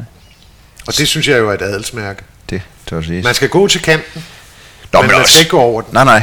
Det er det, der er kunsten. Og det bruger jeg jo en god del tid på nu at undervise andre journalister, især ja. unge journalister, i at lad nu være med at forfalde til det der Så mens du laver de her film, der, der, der, der underviser du inde på journalist? Højskolen og, og i højskolesammenhænge og i uh, organisationer og hvad ved ja. jeg, fordi det er jo en... Altså jeg, jeg, jeg kunne jo så godt tænke mig, at der var flere af min slags, ja. om man så må sige, helt egoistisk set. Og så er jeg forbandet over, at jeg synes, at vores ry som journalister er så dårligt og anløbent. Og det er jo fordi, at vi... Øh, nogle, af os er pre- nogle af os er presset ekstremt hårdt arbejdsmæssigt, så øh, fejlene bliver større og proportionelt værre, fordi det også bliver udbredt. Ja, fordi man pludselig kaster det ud på alle platforme, og så kører man bare. Ja, når du først gentager en fejl, du ved, den kan jo ja. komme hele verden rundt. Du kan se, når du starter en fejl, ikke, så tager en anden nyhedsbog, det tjekker ikke op, og så kører det, kører så det, kører, kører det, kører det, kører det. Og det er jo min kongstanke, at øh, den gravende, undersøgende, kritiske journalistik er under pres, ja. fordi der, det er dyrt at lave det, jeg gør. Men det er jo også det, der ændrer ting for alvor. Ja. Og, øh, og jeg ved positivt, at rigtig, rigtig mange unge journalister, de vil jo gerne. Ja. De får bare ikke mulighed for det. Nej. Men når de så endelig får, så lad nu være med, lad nu være med at dumme jer. Brug nu de her værktøjer, som vi andre har brugt i 20 år. Ja. Line by line. Altså hver eneste linje i dit manuskript, det skal du tjekke for påstande. Ja. Altså hvis jeg påstår et eller andet, så skal jeg kunne dokumentere det. Ja. Brug nu fodnoter. Hvor er beviset for den påstand? Altså, Danske Bank har svindlet. Øh, Danske Bank er blevet hvidvasket for 53 milliarder kroner, som Berlingske er nået frem til. Ja. Hvor er det eksakte bevis på det? Ja. Er der faldet en dom i sagen? Nej. Nej. Der mener jeg, at man skal lægge nogle er til syneladende blevet svindlet, ja. eller angiveligt, eller hvis du vil nævne tallet, eller være så præcis, så skal du lægge nogle forbehold, hvis du ikke kan dokumentere det 100%. Ja. Det mener de, de kan. Jeg savner lidt. Ja. Og når du så underviser nogle steder, øh, er det, er det som hyret gæsteunderviser, eller hvordan? Ja, som regel. Ja. Som regel ja. Er du er ikke fast tilknyttet journalistskolerne? Nej, Nej. Jeg, jeg er fast tilknyttet øh, Filmhøjskolen i Lillehammer i Norge. Nå. Fordi Erling er professor der. Han ah, er faktisk okay. den første den første professor i samfundskritisk tv-dokumentarisme ved Filmhøjskolen i Lillehammer. Ja. Og øh, der er jeg oppe og gæsteundervis hvert år. Ja. Øh, det er vældig spændende. Det er også fordi, du det, er, det er 27, 28, 30, 35 unge mennesker, som brænder for, for det, vi laver. Ja. Og som gerne vil lære, hvad vi laver. Ja. Og Erling er jo selv fantastisk underviser. Ja. og så, øh, så kommer jeg og fortæller om de her sådan meget praktiske redskaber, det der med at for eksempel lave en tidslinje. Ja. Hvornår kom de første mikrolån? Hvornår fik Jonas prisen? Så kan man lave sådan et, et ark, om man så må sige. Så kan man ligesom hele tiden fylde på, og til sidst får man jo i virkeligheden overblikket over historien. Ja. Hvor startede den? Hvor sluttede den? Hvor er nedslagspunkterne? Ja. Og det giver jo journalisten med store mængder materiale et unikt overblik. Det er jo det, der er vores udfordring. Det er ligesom, jo tungere historien bliver, jo større er bunkerne ved siden af dig, og hyldemeterne vokser bag ved dig. Så gør nu forbandet den pligt, og sørg for at journalisere din dokumentation, sådan at du kan finde den igen. Ja. Det hjælper jo ikke noget, at du sidder på en hjemmeside og læser, Gud, det der var fedt. Øhm, og så glemmer du, hvor du havde den fra. Ja, eller man ikke tager en kopi, så den lagt ned, når man skal bruge dokumentation. Ja, ja, og nu skal vi jo passe på med at bruge papir, så det jeg jo gør, det er, at når jeg ser et eller andet, som er interessant på en hjemmeside, at Unilever gør så meget for at hjælpe tearbejderne i Sri Lanka, så hedder det ned i udskriv, nej, nej, gem som, pdf, og gem som i så din Dropbox-mappe, ja. eller hvor du har dit materiale. Og samtidig lægger du en fodnote ned i dit manus eller i din tidslinje, så kan du altid finde det igen. Og samtidig kan du finde ud af, om det her, den her firma, eller det her firma, eller den her organisation, har ændret i deres hjemmeside. Ja. Fordi når du pludselig trykker på fodnoten igen efter et halvt års research, så er den der ikke mere. Nej. Hvorfor er den der ikke mere? Fordi de godt ved, du ja. er efter Og hvis du graver, så kan du også begynde at opdage, at, at de begynder at slette spor. Fordi ja, ja, hvis der lukker mere og mere og mere. Selvfølgelig. Ja. Så det er jo sådan nogle tricks, jeg prøver at lære de unge mennesker. Ja. Men, men lige kort, fordi efter det, der, der ved jeg også, at jeg laver nogle, nogle andre film, både med Erling og uden. Ja. I lavede noget, der her i 2013, for Carbon Crooks. Crooks. Hvad er det? Øh, varm luft for milliarder. Ja. Det er jo øh, igen en øh, historie, hvor man undres. Altså, hvordan kan det være, at man kan lave klimakvoter, hvor at man kan få lov til at forurene mere i Danmark, end man har lov til, hvis man kan opmåle, at man har nu har jeg forurenet 5 tons mere, end jeg må i januar måned, så køber jeg 5 klimakvoter af en fabrik i Ungarn, som ikke forurener så meget. Ja. Altså, underforstået 0. 0. Der er jo ingen gevinst her. Nej. Samtidig var klimakvoterne tiltænkt til at skulle koste 30 euro, så incitamentet for, at man gik ind i det marked, det skulle blive dyrt at forurene. Ja. Ikke? og dermed presse øh, folk til at ændre adfærd og omstille til en mere grøn, bæredygtig energiform. Ja. Og der hørte jeg jo også, at i og med, at vi så åbnede en ny vindmøllepark, så kom der så mange tiltag, at der blev overskud af kvoter, og prisen faldt, så de tunge industrier, de kunne bare købe billige kvoter. Igen ja. er det jo, det er ikke tilfælde, fordi det er fordi, jeg er en nysgerrig sjæl, og det, og det er en del af at være journalist. Igen er det Bangladesh, der springer mig i øjnene. Fordi jeg har på et tidspunkt, jeg har kørt meget rundt om Dhaka og ind og ud af Dhaka rigtig mange gange. Man kommer, kommer forbi sådan et område, hvor man laver mursten. Um, det er et kæmpe område, i sådan et sumpet område, hvor der er en masse floder, så man kan sejle leren frem og tilbage, og stenene frem og tilbage. Man kan distribuere via vandvejene, ja. hvilket er meget fornuftigt. Ja. Og der er de der enormt primitive øh, stenovne, altså murstensovne, som fyrer på kul, eller spildolie, eller og det er en mega forurening. Der er ikke så meget som not one word of a filter ja. nogen steder. altså det er, og det er jo lige uden for Dhaka, og det er tit vindretning, og det er, altså det kvæler det land nogle ja. gange. Så læser jeg, at, øh, at man har lavet smokeless factories i Bangladesh, røgfri fabrikker, som er en del af EU's klimakvotesystem. Og tænker jeg, røgfri fabrikker, der laver mursten. Hvordan fanden laver man mursten uden at brænde? Hvordan brænder man uden røg? Ja. Så må det med være en opfindelse, der vil noget. Og vi tog ud og besøgte en af de der fabrikker, eller flere af dem, som angiveligt skulle være røgfri fabrikker. De er jo en, benævnt i, uh, i de der, det er sådan nogle lange, lange lister i det der CDM-system. Ja. Clean Development Mechanism, som man kalder det, under EU og der er også under FN, så kan man finde de her fabrikker, så tager man selvfølgelig ud og kigger, og røgen står jo steder, og støvet ligger tommetygt over ja. det hele. Altså noget askestøv, ikke? Så røgfri, det er de sgu ikke. Så tager man hjem igen, og så begynder man at research på det. Og så er historien der. Ja. Og så viser det sig jo, at Danmark var jo var jo moderland for en af de største svindler, svindlersager med, med de handel med klimakvoter. Det kan jeg godt huske. Ja, og, øh, og det var jo fordi, at en, to ekstrabladsjournalister øh, havde fulgt de der svindlere rigtig længe, og viste sig jo, at, at man lavede firmaer, øh, fiktive firmaer med fiktive navne, som pludselig handlede med klimakvoter, så man kunne få nogle penge tilbage og udløse nogle statstilskud, og hvad ved jeg. Det var jo et mega svindelnummer.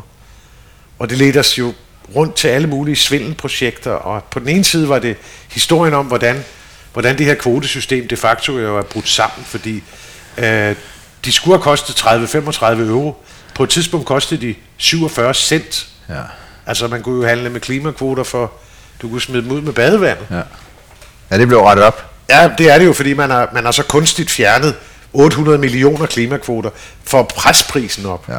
Men det er jo stadigvæk, det er jo, virkeligheden er jo stadigvæk den, at, at uh, Portland, uh, Aalborg Portland, udleder mere end de må. Aalborg Portland er nødt til at købe, købe, købe klimakvoter andre steder. Ja. At, at de så skal betale noget mere for dem nu, det ændrer jo ikke ved det faktum, at man går jo i nul. Altså de, de 20 tons ekstra, de udleder, eller 20.000 tons, eller 2 millioner tons, cementindustrien er en af de rigtig tunge ja. øh, forureningsindustrier. Det, det går jo bare op med et nul på den anden side.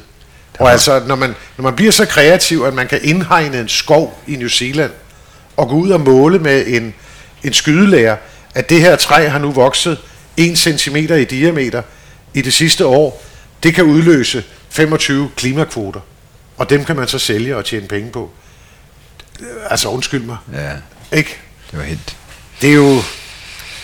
Og der kan man sige, der var jeg måske igen lidt forud for min tid, men det har jeg, det har jeg på en eller anden måde mærkeligt været lidt heldigt, tror jeg. Ja. Rigtig mange gange. Men en diskussion, der vil blive ved med at komme nu. For nu, ja, ja. Jo, nu bliver det for alvor nu interessant, fordi nu skal vi, nu skal vi reducere 70 procent inden 2030. Jeg har lige set reklamer, hvor man kan tage på klimavenlige rejser hvor man er klimaneutral, fordi man køber op, eller ja, altså okay.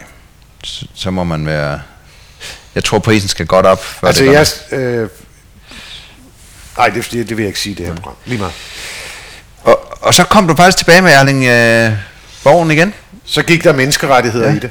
A heart that never dies. Et, et hjerte, som ikke vil dø. Ja. En, en serie på seks programmer. Og jeg tror, det var, vi nåede begge to til et punkt, at der er så mange mennesker, som bliver behandlet så dårligt. Og der er så mange lande, hvor man udhuler demokratiet, eller i diktaturer, hvor man fastholder diktaturet, ja. og hvor at, at mediernes ensretning, altså de der store konglomerater, der bare køber alle medier op, og de kritiske, de lukker bare. Ja. Øhm, det er jo den ene del af det, og den anden del af det er så, at der, de få kritiske røster, der er, om det er så journalister, eller politikere i Hvide Rusland, eller en sanger i øh, Ægypten, eller hvem det nu er, eller en journalist i Serbien, øh, så lukker man kæften på dem, alt, alt hvad man kan. Ikke? Ja, Smider dem i fængsel og truer dem på livet. Og, og de forsvinder. Og, forsvinder. Ja, og, det er helt så vildt.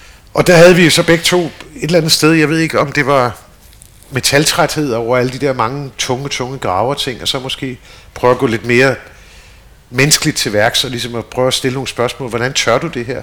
Hvordan, altså kan jeg sætte mig ind i, hvad det vil sige, og Brankica Stankovic i Serbien, en meget, meget modig journalistkvinde, som er overvåget af politiet 24-7. Hun kan ikke engang gå ned med sin skraldespand, uden der sidder to mænd og taler i et headset. Altså lige meget hvad hun gør, fordi hun har afsløret, hvordan korruption og mafia og, og erhvervslivet hænger sammen i, en, i et... Altså, hun er truet på livet ja. konstant. Og vi var fuldstændig rundt, hvor der sad folk med store Glock-pistoler på, på låret, altså ved siden af mig i bilen, altså med sådan nogle tykke, altså sådan halvanden tom tykke glasruder ja, i en bil. Ja. Men altså, hvor man tænker, hvordan fanden tør hun at blive ved? Turer jeg? Ja, og, og det giver jo god kontrast til det, du har lavet og følt, øh, øh hvad skal man sige, advokat og noget ja. Men når man kommer hjem i dejlige Danmark, ja. så er man ja. stort set fredet jo. Jamen nu får jeg jo helt gåsehud ja. af det her, fordi det er jo også et hyldest til nogle mennesker, der tør noget. Ja, ja. Og som, ja. og som jeg i hvert fald... Nu ved jeg jo ikke, jeg er jo ikke opvokset i et diktatur. Nej. Jeg er jo ikke opvokset i et land, hvor man, hvor man undertrykker medierne. Altså, det, man diskuterer, man gør i Danmark. Det synes jeg ikke, man gør. Øhm, I hvert fald så lidt, at det er i hvert fald ubetydeligt. Ja, når man sammenligner øh, det, så... Hvis jeg nu var vokset op i Serbien, ville jeg så være sådan en type journalist, eller ville jeg overhovedet være blevet journalist? Ja. Det ved jeg jo ikke, men det er jo interessant. Øh, Ja, at de får nok så meget, at de er villige til at sætte deres egen Ja. sikkerhed og, ja, og liv og gå i på fængsel for ja. Altså, rask væk til 3-4 år i fængsel. Ja. Og det er jo også en serie, der har været godt rundt omkring. Ja. Fordi det, det har jo virkelig sat fokus på journalisters rettigheder. Ja.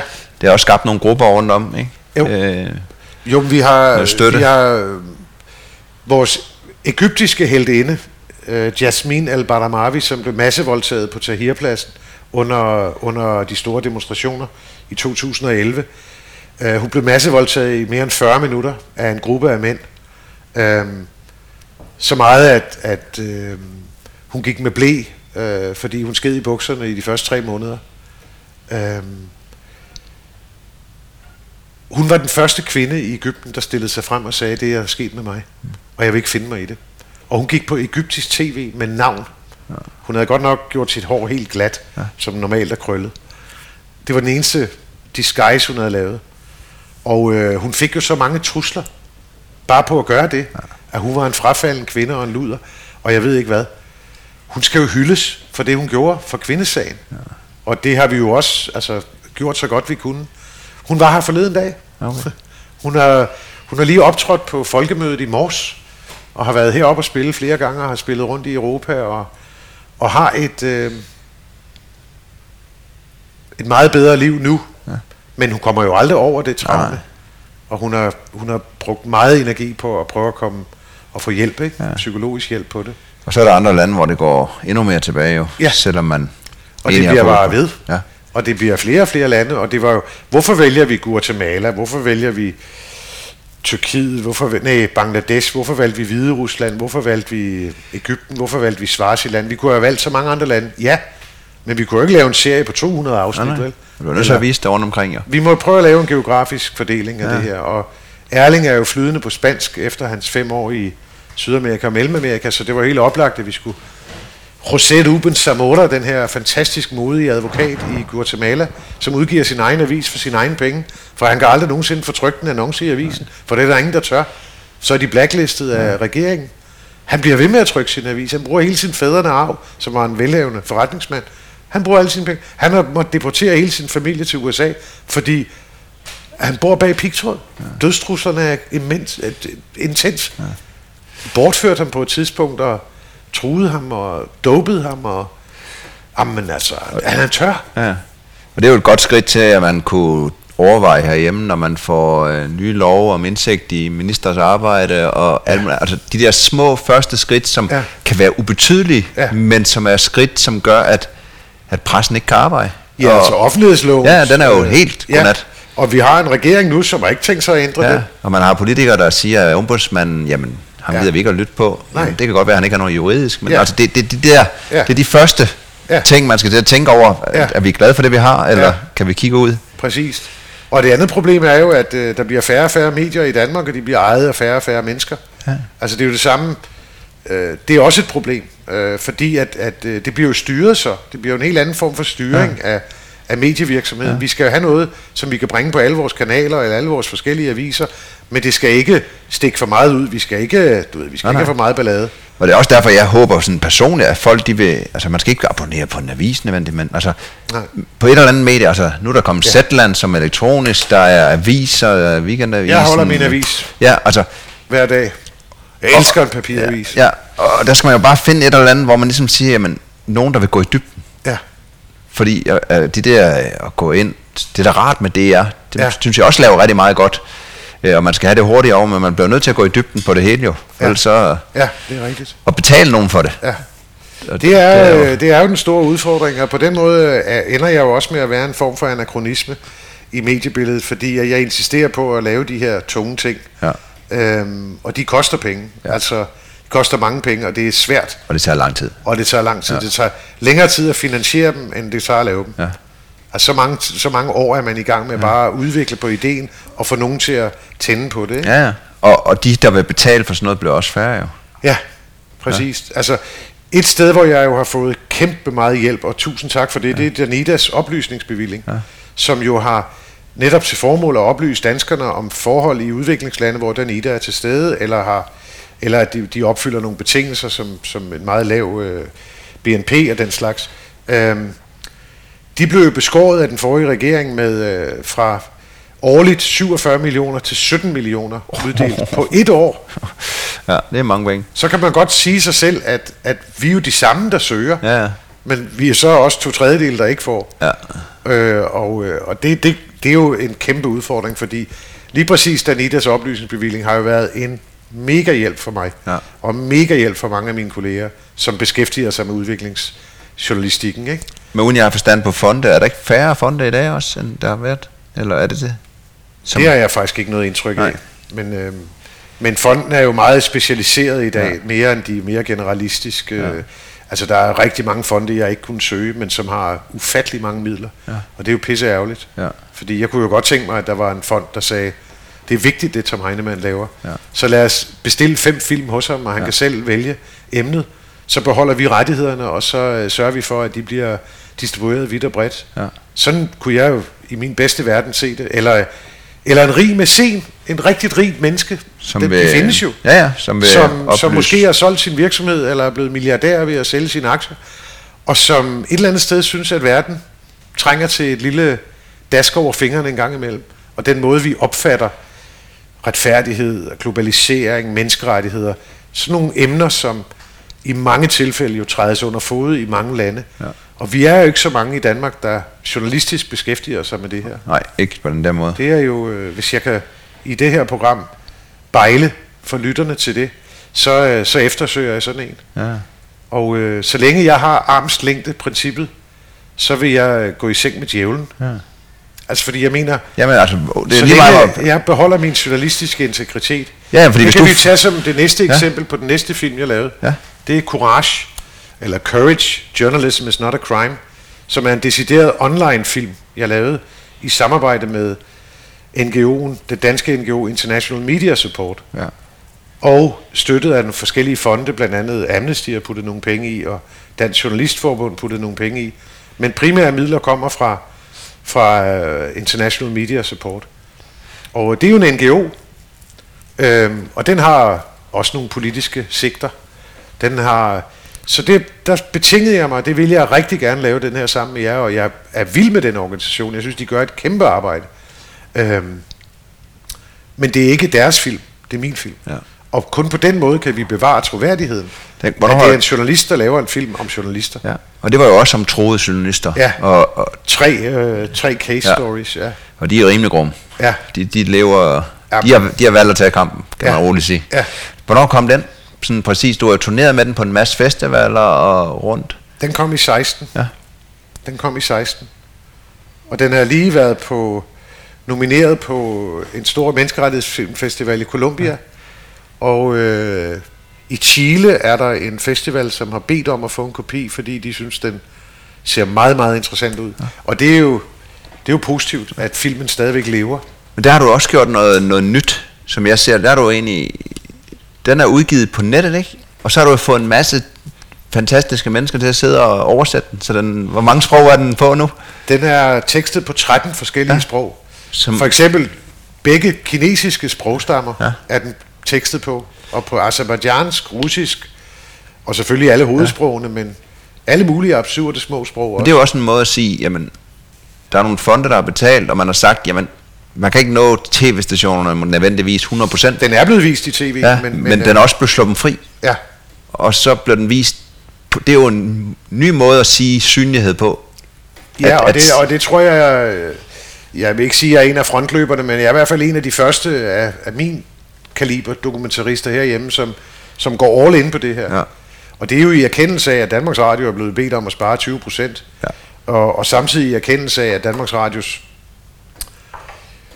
jeg vil ikke sige strategi, fordi de er jo en pu- public service station, de skal fagne det hele, de skal også lave dokumentarer, som jeg gør det. Men det der, er, det, der rykker i dag på tv, det er serielt. Altså, det er 3 til 5, 6 programmer. Øhm, og, og det må meget gerne være med noget på spil for ja. verden. Der skal helst være en vært. Ja. Jeg er ikke specielt fotogen, og, og jeg synes også, det er en uskik Hvorfor skal jeg stille mig foran kameraet og pege på slummen bagved og sige, vi skal herind lige om lidt og se slummen, men først skal I vide, hvad Bangladesh er for et land. Ja. Og så ser vi det, og så kommer vi tilbage til mig, og så tager jeg dig i hånden som ser. Nu går vi to ind i slummen, og her er meget farligt. Altså det synes jeg er, det er den anglosaksiske måde at lave dokumentar på, som har eksisteret i England i mange år.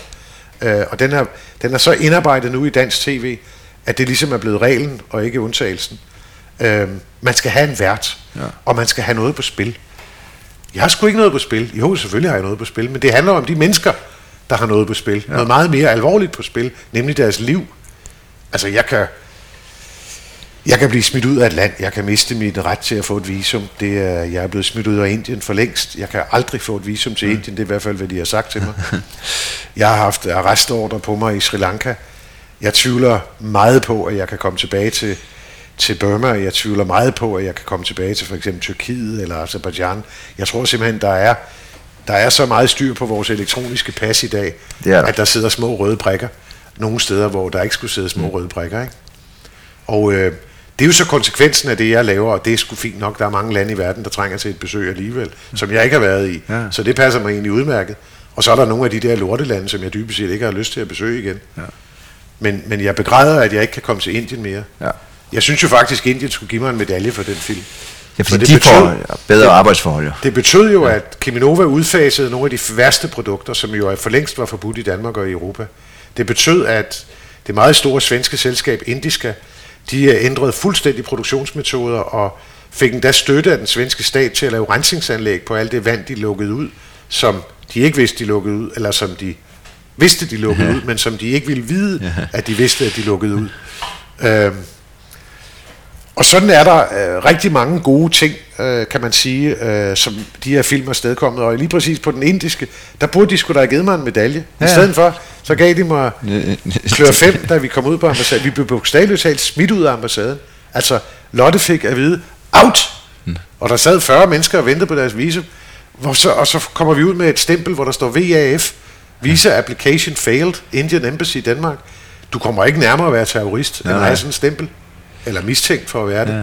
Så du må jo gå hjem og klippe dit pas i stykker, og finde dig et nyt pas, ja. indtil du søger en gang til, og får det samme stempel en gang til. Det har vi prøvet tre gange nu. Gider jeg snart ikke mere. Jeg tror ikke, de måtte stemple nej i det. De stempler ikke nej, de siger bare, at den fejlede. Ja. Visa application failed. Ja, det er slemt. Og I også laver, I også laver en om, øh, er det vindruer? Ja, Sydafrika. Det er Sydafrika? Ja, det var kun Sydafrika. Den, den er kommet ud til også sammen med den anden? 18. 18, okay. Nej, hvad lavede jeg sidste år? Der har du turneret med din øh, journalist der stadigvæk, har du ikke? Nej, det er ikke. Altså nu er jeg helt i Ja, det er også ligegyldigt jo. Men, men, men det, det er samme forhold, at folk lever som slavelignende forhold i, øh, i vindrusplantationerne. Ja, ja. Øhm, det kommer jo ikke bag på mange, at øh, Sydafrika var et apartheid. Nej. Og det kommer heller ikke rigtig bag på mange, som kender Afrika og Sydafrika, at øh, de forhold findes stadigvæk. Du skal bare lidt ud på landet. Eller også skal du ind på de her vingårde. Ja. Øh, der vil du se det i fuld skala ja. stadigvæk. De ejes af de tidligere boere, altså hollandsk afstamning. Ja. Og øh, dem, der arbejder der, er øh, colored eller black. Og som bor inde på vingårdene. Og det er jo 4., 5., 6., 7. generation. Ja. Øh, de ligger meget ofte langt ude på landet. Der er jo ikke nogen, der har en bil. En gang hver 14. dag, stiller plantagen som regel en, en uh, truck til rådighed, og så tager hele plantagen ind til byen og køber ind til de næste 14 dage. Uh, og ellers lever de der isoleret uh, i nogle forhold, som, som i hvert fald ikke stemmer overens med, hvad Systembolaget og Vinmonopolet, de to alkoholmonopoler i Norge og Sverige, påstår, og som uh, Dansk Supermarked og Coop uh, påstår, er så udfordrende, men det er på rette vej. Ja. Der er ikke øh, meget på rette vej. Det medførte jo, at øh, myndighederne i Sydafrika jo øh, endelig vågnede op, kan man sige. De tog jo ud og besøgte de, præcis de samme farme, som jeg havde været på, med deres øh, arbejdstilsyn. Ja. Og labor inspectors, øh, som det hedder dernede. Og de fandt jo endnu flere fejl, end jeg kunne finde. Ja, fordi de, kan, de skal ind. ja, fordi ja, de må komme ind, ja, ja. og jeg skulle jo kravle over plankeværket. Ja. Problemet var jo, at øh, alle de gårde, jeg besøgte, der trespassede jeg. Det var jo ulovlig indtrængen. Ja. Og øh, dernede skyder man først, øh, og så spørger man bagefter. Især hvis man er i, i, i øh, sammen med, med sorte mennesker ja. eller, eller farvede mennesker. I Sydafrika har man jo ligesom tre. Man har hvide, colored og black. Ja.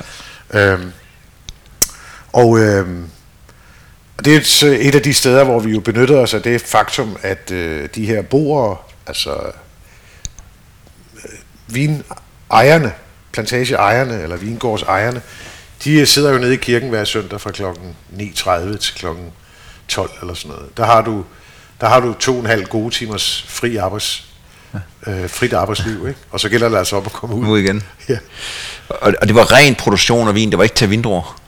Uh, der var også der var også til til drueindustrien. Ja, ja altså til du mener altså købe vindruer. Ja, ja, ja. table ja. table grapes, ja. som det hedder. Jo, jo, det var det også. Men det var dem jeg gik efter var vin, ja. vingårdene, fordi jeg ville jo jeg ville jo tage ind i danske supermarkeder, hive den flaske vin ned af ja. hylden og, rejse og følge den tilbage. Ja. Det var det vi gjorde. Øhm, og det medførte jo så at et et mærke Robertson Wine Wineries vine blev pillet af hylderne i nogle måneder i Dagrofa-kæden, som er Menu og Spar og alle de der. Ja. Hvorimod øh, Dansk Supermarked sagde, at vi, øh, vi er lidt usikre på dem og dem, og Dansk Supermarked sagde ikke noget. Men, men øh, øh, lidt kom der ud af det. Ja. Men det, der, det bedste var jo, at det, at der kom ud af det, det var jo, at øh, de, de sydafrikanske myndigheder blev klar over, at øh, nu er der altså øjne på os, ja. og det har kostet rigtig mange penge ja. øh, for de her vingårdsejere, og de kunne ikke lide mig. Nej. Øh, så skal jeg ikke men de er, de er meget, meget lidt vant til, og det er jo det, jeg undrede mig over dernede, det var jo, jeg talte med jo nogle, nogle øh, sydafrikanske journalister, som sidder på store medier, altså store dagblade i, i Cape Town og, og også andre steder. Så, har I ikke skrevet om det her? Nej, ikke rigtigt. De er ikke vant til at gå kritisk. Nej, altså, og fordi øh, man er ikke vant til at kritisere øh, på særlig højt niveau, fordi øh, nogle af de største annoncører i Sydafrika i medierne, det er jo vinindustrien. Ja. De ting hænger sammen. Ja. Plus at øh, vinejerne, eller vingårdsejerne, har stort set aldrig nogensinde mødt en klassisk nordisk journalist som mig, som ikke tager nej for et nej, ja. men insisterer på at få et svar. Det er jo så der, hvor det begyndte at blive rigtig farligt til sidst, ikke? I slutningen af filmen, hvor vi det lykkedes os at få konfronteret to af de her topfolk fra Robertson Winery, ja. hvor, øh, hvor jeg troede, jeg skulle interviewe dem, så jeg har jo stillet kameraer op og alt muligt med en andens hjælp, og har vi lånt et lokale, og det var sådan, pff, altså vi er på neutral grund, vi står ikke ude i deres vingård, ja. øhm, og vi har ikke planket noget, vi, vi er blevet inviteret ind, og vi har inviteret dem til at kommentere, og de nægter jo hver ting, og de siger, at jeg er fuld af løgn, og tonen bliver altså voldsomt ophedet. Til alt held har Lotte et, øh, og det bliver råbt og skrejet, at turn that camera off, og vi slukker selvfølgelig kameraet. Men hvad jeg ikke vidste, fordi jeg står koncentreret og prøver at få dem til at medvirke ja. i mit program. Jeg er høflig og venlig, som jeg altid er, men også skarp. Det er, at Lotte hiver sit GoPro-kamera op. Og hun har jo arme af gummi, som ikke gammel murer har. Som ikke en gammel murer som mig har, så hun kan få armen hele vejen rundt om sin ryg, tænde for kameraet og filme hele balladen. Og især få lyden med. Det er jo det vigtigste. Ja. Hvad bliver der egentlig sagt? Ja, billederne må godt være dårlige. Det gør nej, ikke noget. Nej. Det, der bliver sagt, er det vigtige. Og det slutter så med, at, at efter 20 minutter, så rækker jeg hånden ud og siger, at vi kommer jo ikke nogen vej. Så jeg tror, vi stopper her. Og tak for, at du alligevel kom. Ja. Jeg trykker ikke din beskidte hånd. You disgusting piece of rubbish, ja. siger så en af de her topfolk, som til daglig sidder og forhandler med supermarkeder ja. i Danmark og i Sverige og i Norge, eller med Systembolaget og Vinmund. Det er den samme mand. Han, de kunne slet, slet ikke forholde sig til at, at få et kritisk spørgsmål. Altså, de, de kunne slet ikke, det er de slet ikke i deres univers. Nej, det måtte man ikke. Og det øh, betød jo, at øh, salget af sydafrikansk vin faldt med 15 procent på et døgn nærmest i Sverige. Det var jo en kæmpe historie i Sverige, ja. og kæmpe historie i Norge. Og fordi det er vinmonopoler. Skal jo huske, at når, når du kan købe en flaske Robertson øh, papvin i, øh, i Systembolaget for 175 svenske, så går 70% af fortjenesten, eller 70% af salget, direkte i den, i den svenske statskasse. Så er du nede på, hvad, hvad er der så tilbage? Hvis man nu prøver at være lidt realistisk og sige, øh, er, er procentdelen, eller er produktionsomkostningerne så lave, at hvor er det, det hvor er det de taber? Ja. ja, det er jo det første led, det er arbejdsledet. Det er det allerførste led, og det er arbejderne. Og de får jo altså kilometer fra det, man kalder en leveløn. Ja. De kommer aldrig til at kunne leve af det her. Ja. Altså, og det er jo øh, tankevækkende, Ja, ja. at mens den svenske stat skovler penge ind på øh, svenskernes, og for den synes den danske stat skovler penge ind på, på alle mulige afgifter på alkohol og tolv og skat og moms, og jeg ved ikke hvad, så er der folk, der lider dernede. Og når vi fortæller arbejderne i en vingård, hvad en flaske vin koster i Danmark, så hvis vi bare siger en, en average, altså gennemsnitlig, almindelig flaske rødvin, koster mellem 50 og 70 kroner. Det er vel, det er vel de fleste villige til at betale. Lad os sige bare en 50'er, så har vi, så har vi også taget discountmarkedet med. 50 kroner, siger de. Det er 100 rands. Det kan ikke være rigtigt. Hvor er alle de penge henne? Ja, hvor Hvem tjener alle de penge? Fordi, og det må man jo så sige, at, at Vingårds ejeren, hans indtjening er jo også forsvindende lille. Ja, ja. Han er jo nødt til at presse alle steder, for at han kan leve. Så du ved, det er jo sådan et, et, et for, i virkeligheden et forfærdeligt system, der bare trykker nedad. Ja. Hvis nu Systembolaget, eller Vinmonopolet, eller Dansk Supermarked, eller Coop, hvis de nu sagde, vi vil kun købe jeres vin, hvis vi kan være sikre på, at, at øh, I producerer den ordentligt, så er vi også villige til at betale dobbelt så meget for den Ja. i indkøbsledet. Det betyder jo ingenting for dem. Nej, nej. Ingenting. Og så kan man også komme på kontrolbesøg. Og så kan man... Altså- Så kan man alt. Ja. U- også uafhængige kontrolbesøg, ja. eller u- uannonceret kontrolbesøg, som ja. jo, ja, altså man skal kunne komme dumpende anytime. Ja. Og det vil selvfølgelig resultere i en masse smuthuller, og der vil blive lavet noget fusk med det, og der vil blive dit, men det vil være den rigtige vej. ja. Altså, Og, det, vi, vi, og i den lille skala har vi jo det samme med dansk landbrug, ikke? Altså, når man går Ja. ind med... Ja. Altså, hvis der kommer mere til landmanden, så er der også større incitament til at lave om på produktion. præcis. Jeg, jeg kan ikke, du må ikke hænge mig på tallet, men, men jeg tror, at det er omkring 2%, øh, der går til, til selve produktionen af vinen. Ja. 2% er omkostningen. Ja, det er helt Resten, det er mellemled. mellemled Ja, ja, og skat og tolv og moms og, Det, det er jo helt vildt. Ja. og profit og jeg ved ikke hvad. Ja. Altså det er jo, jamen det er jo, verden er ikke noget retfærdigt sted. Nej. Og det er jo et eller andet sted en drivkraft for mig. Ja. Og øh, hvis man så oven i det kan få den glæde at sparke nogle boller i, sparke nogle, øh, nogle boller op i nosserne på folk, ja. Øh, på nogle rigtig dumme svin, så passer det mig rigtig godt. Og det er så, den- er, så er det sådan set, Og det så er er den- alle motiverne. Ja. Og det er den vej, dit eventyr går, det er at jagte dem. Ja. Kan man sige jo. Har Ja. været nu i mange år. Ja, Og det fører nok højst sandsynligt også til nogle øh, flere film, kunne jeg forestille mig. Ja, men jeg, jeg har faktisk lige øh, afleveret en ansøgning til Danita om en, en, en, øh, en film, jeg meget, meget gerne vil lave sammen med, ikke sammen med, men hvor jeg portrætterer en mand, en rigtig helt, Ja. Som jeg faktisk godt kunne tænke mig at komme ind og besøgte også i klubben en gang, i Eventyrens Klub. En fyr, der hedder Peter Appel. Han er geolog og har været ansat hos Geos i årtusinder, og har rejst øh, alle steder, hvor der er noget med, man skal vende sten. Ja. Men i de sidste 20 år har han brugt på at få folk til at lade være med at bruge kviksøl, når de udvinder guld. Og han har været i de mest afsides bjergegne i verden, kravlet rundt på hesteryg og boet i en, i en papkasse for at hjælpe folk med at lade være med at bruge kviksøl. Ja. Det er sådan en kemisk proces. Ja.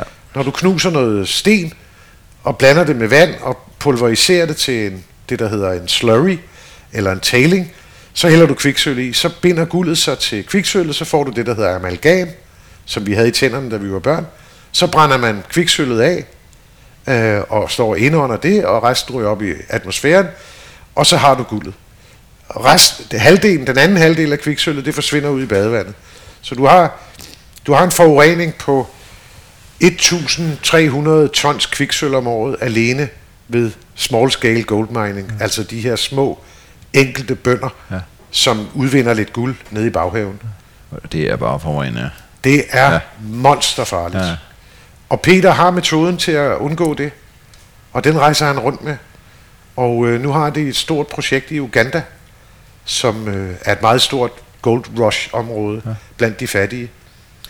Øhm, og ham vil jeg ned og lave en film med. Det lyder spændende. Ja. Og det, er Og det har jeg så fået et, øh, et forlag til også at være med til, så vi kan lave undervisningsmateriale til skolernes folkeskole, udskolingsklasserne, Ja. for at, at få de her, øh, de her verdensmål, øh, FN's verdensmål i spil. Fordi det er jo det, der er det store omdrejningspunkt nu. Bevidsthedsgørelse af vores unge generationer, om at vi er nødt til at gøre noget andet. Ja. Og her er der virkelig noget hands-on, du kan gribe i Ja. og sige, det her kan ændre sig. Ja, for der er en anden metode. Der er en anden metode, Ja. ja. som er stort set ufarlig. Ja. Altså, ikke tilnærmelsesvis. Det er jo fantastisk. Ja. Det er jo fantastisk det her, og det har også ført til et hav af priser. Jeg skal nok lægge, du har været heldig, at de har jo gjort noget impact rundt omkring, og folk har set det. Så du har jo... Der, er, der er flere, der påstår, at jeg er den, der har vundet allerflest priser af danske dokumentarister. det, der er i hvert fald en god liste. Der er mange. Ja.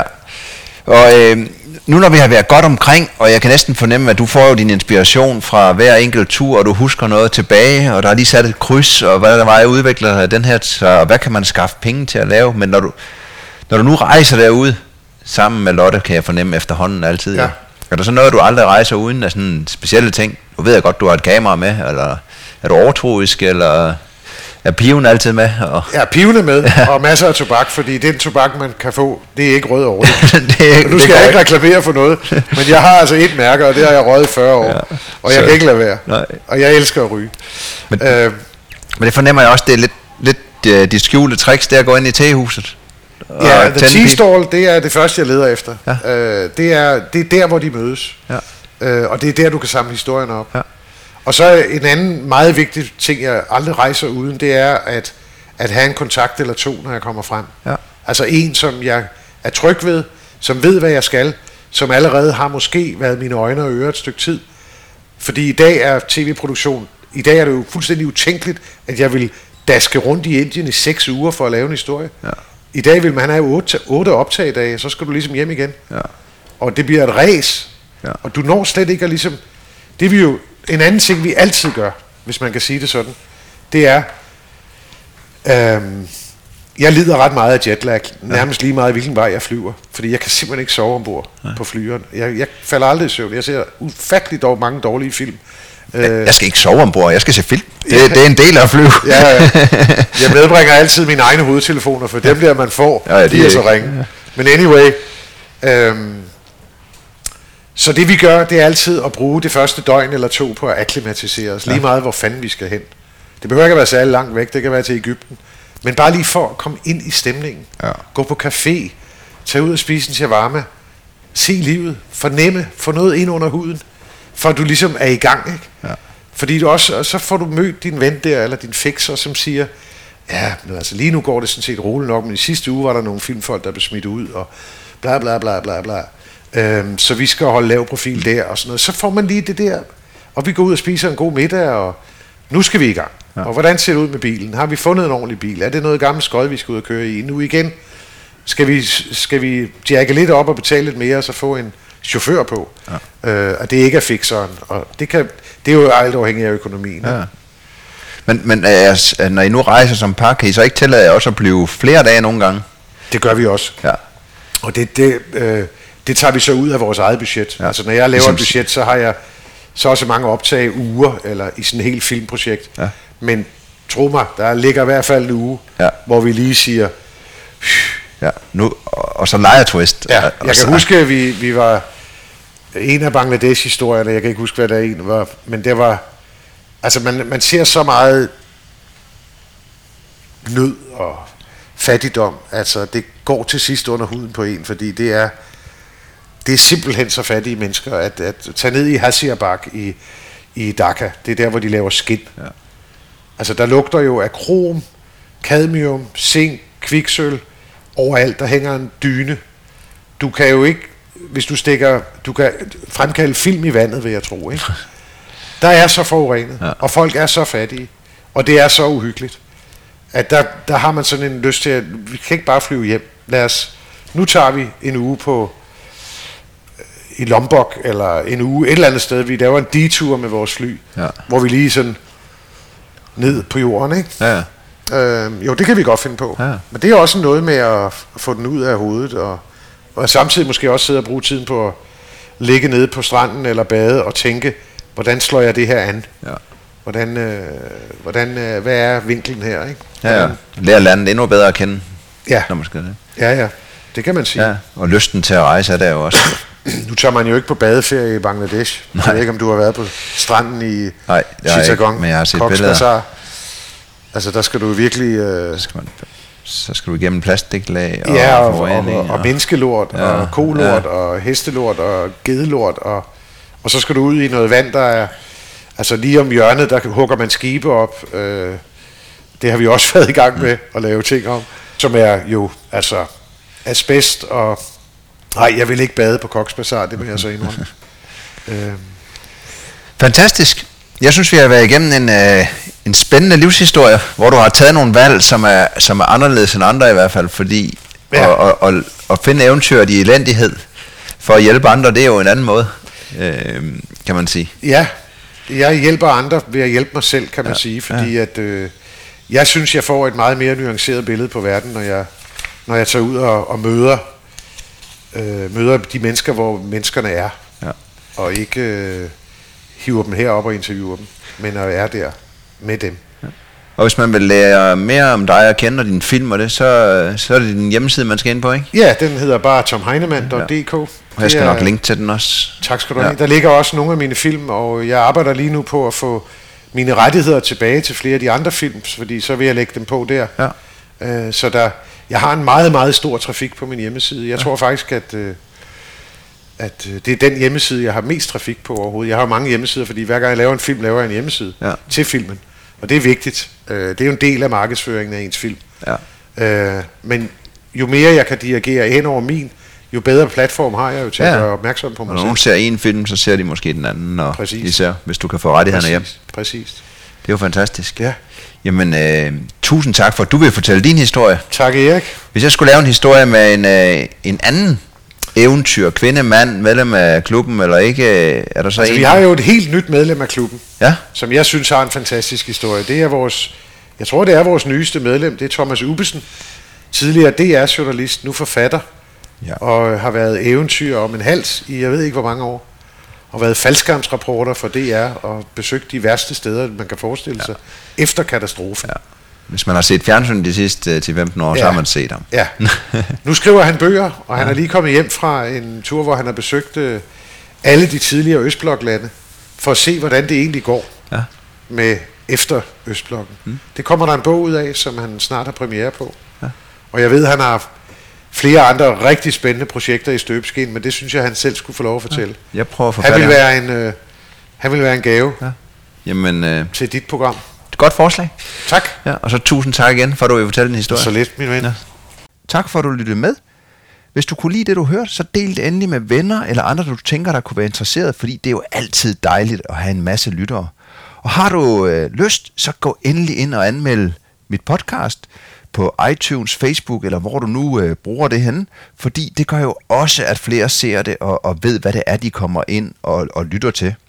Har du lyst til at støtte podcastet, så kan man støtte det inde på tier, altså 10 er.dk. Her kan man give et lille beløb per udgivet podcast, og det kan hjælpe mig til at holde mit udstyr og vide, der er nogen derude.